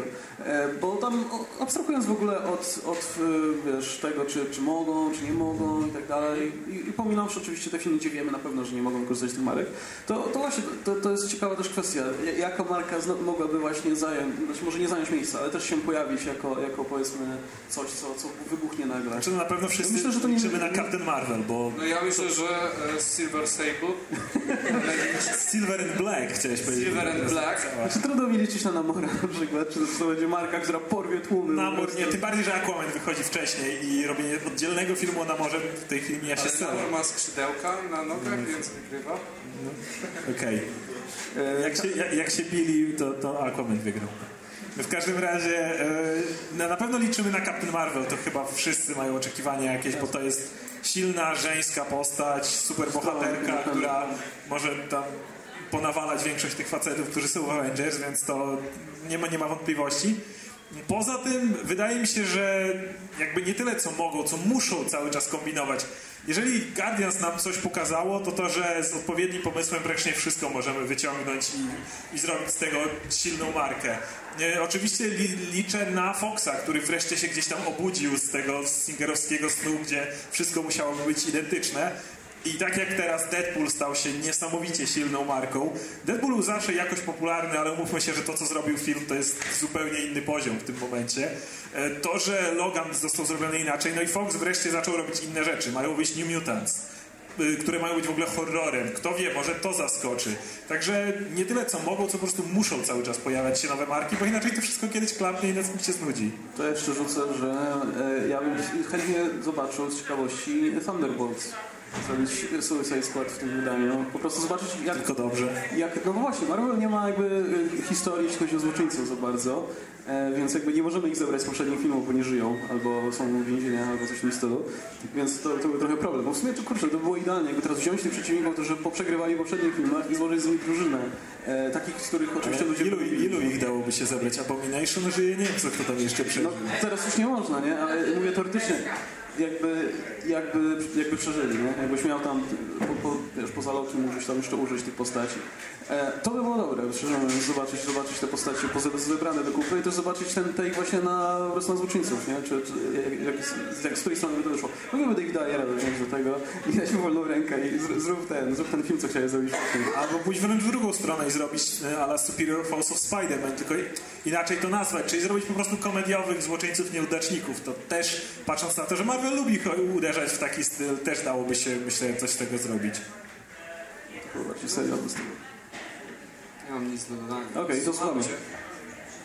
Jeszcze co do tego Guardiansi czy Avengers, y, Avengers, bo z strażnikami to jest taka iluzja, że to jest łatwiej, no bo to tylko dwie części. Jak będzie trójka i czwórka, to też już y, to, to pryśnie. już teraz jest przecież to, że dwójka jest, y, że nie da się oglądać dwójki bez jedynki. I tak. To jest standardowe w kolejnych częściach. Generalnie, to, generalnie to jest w ogóle wada wszystkich sequeli. Musisz znać poprzednią część. No tak, ale właśnie o to mi chodziło, że y, teraz to jest ta wielka atut Guardiansów, że to jest ich główny atut. Nie mówię, za dwie, trzy części on zniknie. Zawsze będzie mniej filmów do obejrzenia przy Guardians niż przy Avengers, więc... No i to, ale to są też jakby dla widzów to są oryginalne postacie, nie są postacie, które są w filmów. Ja też chciałem też uzupełnić to, co mówiłem wcześniej. To też mi głównie chodzi właśnie o, ten, o tą barierę wejścia, jeśli chodzi o potencjał tej marki. Po prostu jest łatwiej ją jakby przyswoić i przetrawić niż, niż, niż w przypadku Avengers. Aczkolwiek oczywiście w przypadku Avengers to dochodzą też inne media, gdzie, gdzie są bardziej prominentni, jakieś kreskówki, tego typu rzeczy. Ale też warto zaznaczyć, że no, takie marki, powiedzmy jak właśnie Iron Man, czy nie wiem, czy Thor też nie istniały przed filmami, nie? To też nie też istniały oczywiście, ale w bardzo ograniczonym sensie, ale w takim Iron Manie czy Thorze na szeroką skalę, to dopiero publika się dowiedziała przy okazji tych filmów, więc to jest podobna sytuacja jak przy okazji Guardians, tyle że też wydaje mi się, że Guardians jest trochę atrakcyjniejszą marką w tym względzie, że jest jednak, no nie jest superhero typowy, nie? Jednak e, łączy jakby różne publiki w tym momencie. Także ludzi, którzy jakby za superhero, których mamy dużo bardzo dzisiaj, nie, nie przypadają. Tylko, że no ponownie, ja tutaj, ja do końca nie rozumiem tego porównania, dlatego, że Guardians to jest troszeczkę tak jakbyś, tak jak Iron Man, to jest jakby seria filmów wewnątrz MCU, podczas gdy Avengers pełnił zupełnie inną rolę. Nie jestem, nie, nie wiem, może się mylę, ale wydaje mi się, że nie ma wielu ludzi, którzy są fanami po prostu Avengers i nic więcej. Jak gdyby, nie lubię tego Ironmana. Nie lubię Ironmana. Ameryka jest do dupy, no nie? Jak gdyby to jest po prostu kulminacja dla wszystkich. Jak gdyby. To jest dla fanów Ironmana, dla fanów Thora i dla fanów po prostu wszystkich mniejszych grup, podgrup w fandomie. Podczas gdy Guardians of the Galaxy ma swój własny fandom, który wiesz, już jest oddzielny od reszty i, i teraz kolejne, i teraz przy kolejnych e, Avengers oni też się odnoszą do tego fandomu Guardians of the Galaxy. Więc to, te dwa filmy, te dwie, dwie serie pełnią zupełnie różne role w uniwersum, więc nie do końca widzę tutaj to porównanie. Bo... Ja jeszcze chciałem wrócić do tego, jakie silne marki mogą się pojawić. Właśnie Spider-Man nie tyle może uderzać do y, najmłodszego widza, w sensie, bo może się z nim utożsamić bardziej, co może pokazać, tak jak Wonder Woman czy Captain Marvel czy możemy znowu adaptować superbohaterki, czy one się sprzedadzą? Nie widzę żadnych przeciwwskazań. Tak, Spider-Man może pokazać, czy nastoletni superbohaterowie mają miejsce. Jest ich przecież masa i w Marvelu, i w DC. Odpowiednio zrobiona Batgirl może być nastolatką. Eee, właśnie mamy Spidermana, może być Miss Marvel na przykład, która jest taką jakby trochę wersją Spidermana. I wydaje mi się, że, że znowu Spider-Man może pokazać, że ej, młodzi bohaterowie też mają swój target, też chcą młodsi widzowie się z nimi utożsamiać. I tu też bym szukał co najmniej kilku mm, postaci, marek, które mogą się znowu wybić. No dobra, to zostało nam już w sumie niewiele czasu, więc tak na sam koniec. Em, jesteście Jamesem Gunnem, kręcicie trójkę z Adamem Warlockiem i tak dalej. Co dalej? Co dalej dla Guardians w takim razie? Co, co wy byście chcieli zobaczyć? Nawet, może nawet nie konkretnie, ale ogólnie w jakim kierunku myślicie, to powinno pójść? Czy ten, rozszerzyć ten, ten kosmos, czy po prostu dalej iść w Guardians, e, czy coś innego zobaczyć jeszcze, czy może szukać innych gatunków? Co, co, co byście chcieli zobaczyć? Richarda Raidera. Damn it. Okej, teraz możesz mówić. Dzięki. E, szczerze, tak jak druga część skupiła się na Quillu i jego, jego historii, jego rodzinie, tak fajnie można byłoby również zagłębić się w inne postacie. E, Gamora cały czas jest, wydaje mi się, bardzo niewykorzystaną postacią i te jej trudne dzieciństwo, nazwijmy to, jest tylko delikatnie zarysowane. Mniej więcej wiemy, jakie tam tortury mogła cierpieć, ale w sumie nie wiemy o niej tak dużo. Drax, który jest na przykład w komiksach bardzo inną postacią, ma bardzo inną przeszłość. Można się tym pobawić. On ma też córkę, która jest bardzo interesującą postacią. W tą stronę można pójść. Mówię, można byłoby odsunąć według mnie Quilla trochę na bok. Znaczy dalej musi pełnić dużą rolę. Dalej jest niejako przywódcą tej drużyny, ale zająć się przeszłością pozostałych bohaterów, których kochamy i których chcemy zobaczyć więcej. Może po prostu uczynić takim głównym bohaterem, czy taką, wiesz, osobą na pierwszym planie kogoś innego, właśnie na przykład No tak. I tak dalej. I moim zdaniem powin, James Gunn powinien, no, byłoby fajnie, jakby skupił się, wiesz, przede wszystkim na postaciach, bo to wychodzi w tej marce najlepiej. I wiesz, gdyby się skupił po prostu na rozszerzaniu kosmosu, to nie dostalibyśmy tak naprawdę no, zestaw widokówek ładnych. Podczas gdy no, to jest naprawdę fajne się robi ten kosmos, kiedy go po prostu obserwujemy oczami te, tej grupy i z ich relacjami, z ich chemią i tak dalej. Więc chciałbym, żeby to rozwinąć. Okej, słuchamy. I to będzie ostatnia jakby wypowiedź publiczności, bo zaraz będziemy kończyć, także e, tego prosimy. Tutaj właśnie jest kolei obawa odnośnie tego, co może iść dalej, bo jak widzimy, każdy kolejny, kolejne zagrożenia, kolejni przeciwnicy są coraz groźniejsi, groźniejsi. I tutaj już w dwójce mieliśmy Igo, który chciał ca- zająć sobą jakby cały wszechświat. Teraz będzie Infinity War mieć Thanosa i co dalej? Jeszcze potężniej, czy żeby to nie wpadło już jakieś jeszcze potężniejsze istoty, bo uważam, że, no, że, że naparzanie się galaktykami i tak dalej jest po prostu lekką przesadą. Tak, ale z drugiej strony Ant-Man, który wyszedł stosunkowo późno, pokazał, że w każdej chwili możemy to jednak zeskalować z powrotem i dalej widowni się będzie to podobało. ale dowcip. E, w każdym razie wydaje mi się, że to ciągle można zrobić i pokazać trudności, które bohaterowie muszą często przełamać na przykład w sobie, tak jak Gamora, która jest no, trochę zniszczona, czy Drax. I przeciwnicy nie muszą być wtedy jacyś super silni, wystarczy, że bardzo wpłyną na ich psychikę, powiedzmy. Tak długo jak skupimy się właśnie na relacjach bohaterów i ich trudnościach, które muszą w sobie pokonywać, wydaje mi się, że nie trzeba rozdmuchiwać tego tak bardzo, jak mogłoby się wydawać. Zgoda. Co, coś jeszcze masz do dodania? Zgadzam się tutaj właśnie z tym, że nie trzeba, aczkolwiek czy, twór, czy twórcy te, też to dostrzegają i czy nie, nie zapędzą się w coraz większe skale tych właśnie zagrożeń. Ja się nie martwię o Gana, on jakby robił małe filmy i, i, nie widzi chyba w tym niczego złego. Zresztą Guardians 2 to jest niby rozmuchany konflikt, ale jakby to, to się skupia na, na, na małych rzeczach. Generalnie mamy gdzieś to, co się dzieje tam w tych jakichś dziwnych, dziwnych planetkach. Tam kompletnie nas nie interesuje, co robi Tamego. E, No ale jak popatrzymy nawet na zapowiedziane inne filmy, no to Ant-Man i Wasp będą bronić świata przed zagładą, nie wydaje mi się. Black Panther będzie pewnie bronił... No, chodzi. No okej, ale chodzi, znaczy mi chodzi o, o rozwój jakichkolwiek postaci dalej. Wydaje mi się, że oni nie będą, no bo Thanos jest jednak wrogiem dla całych Avengers. Wydaje mi się, że oni będą cały czas dbać o to, żeby nie każdy musiał bronić świata, wszechświata. Pokazali, że potrafią i wydaje mi się, że dalej to się będzie udawało. Ja to bym tych Guardians ze Stallonem zobaczył chętnie. Koniecznie.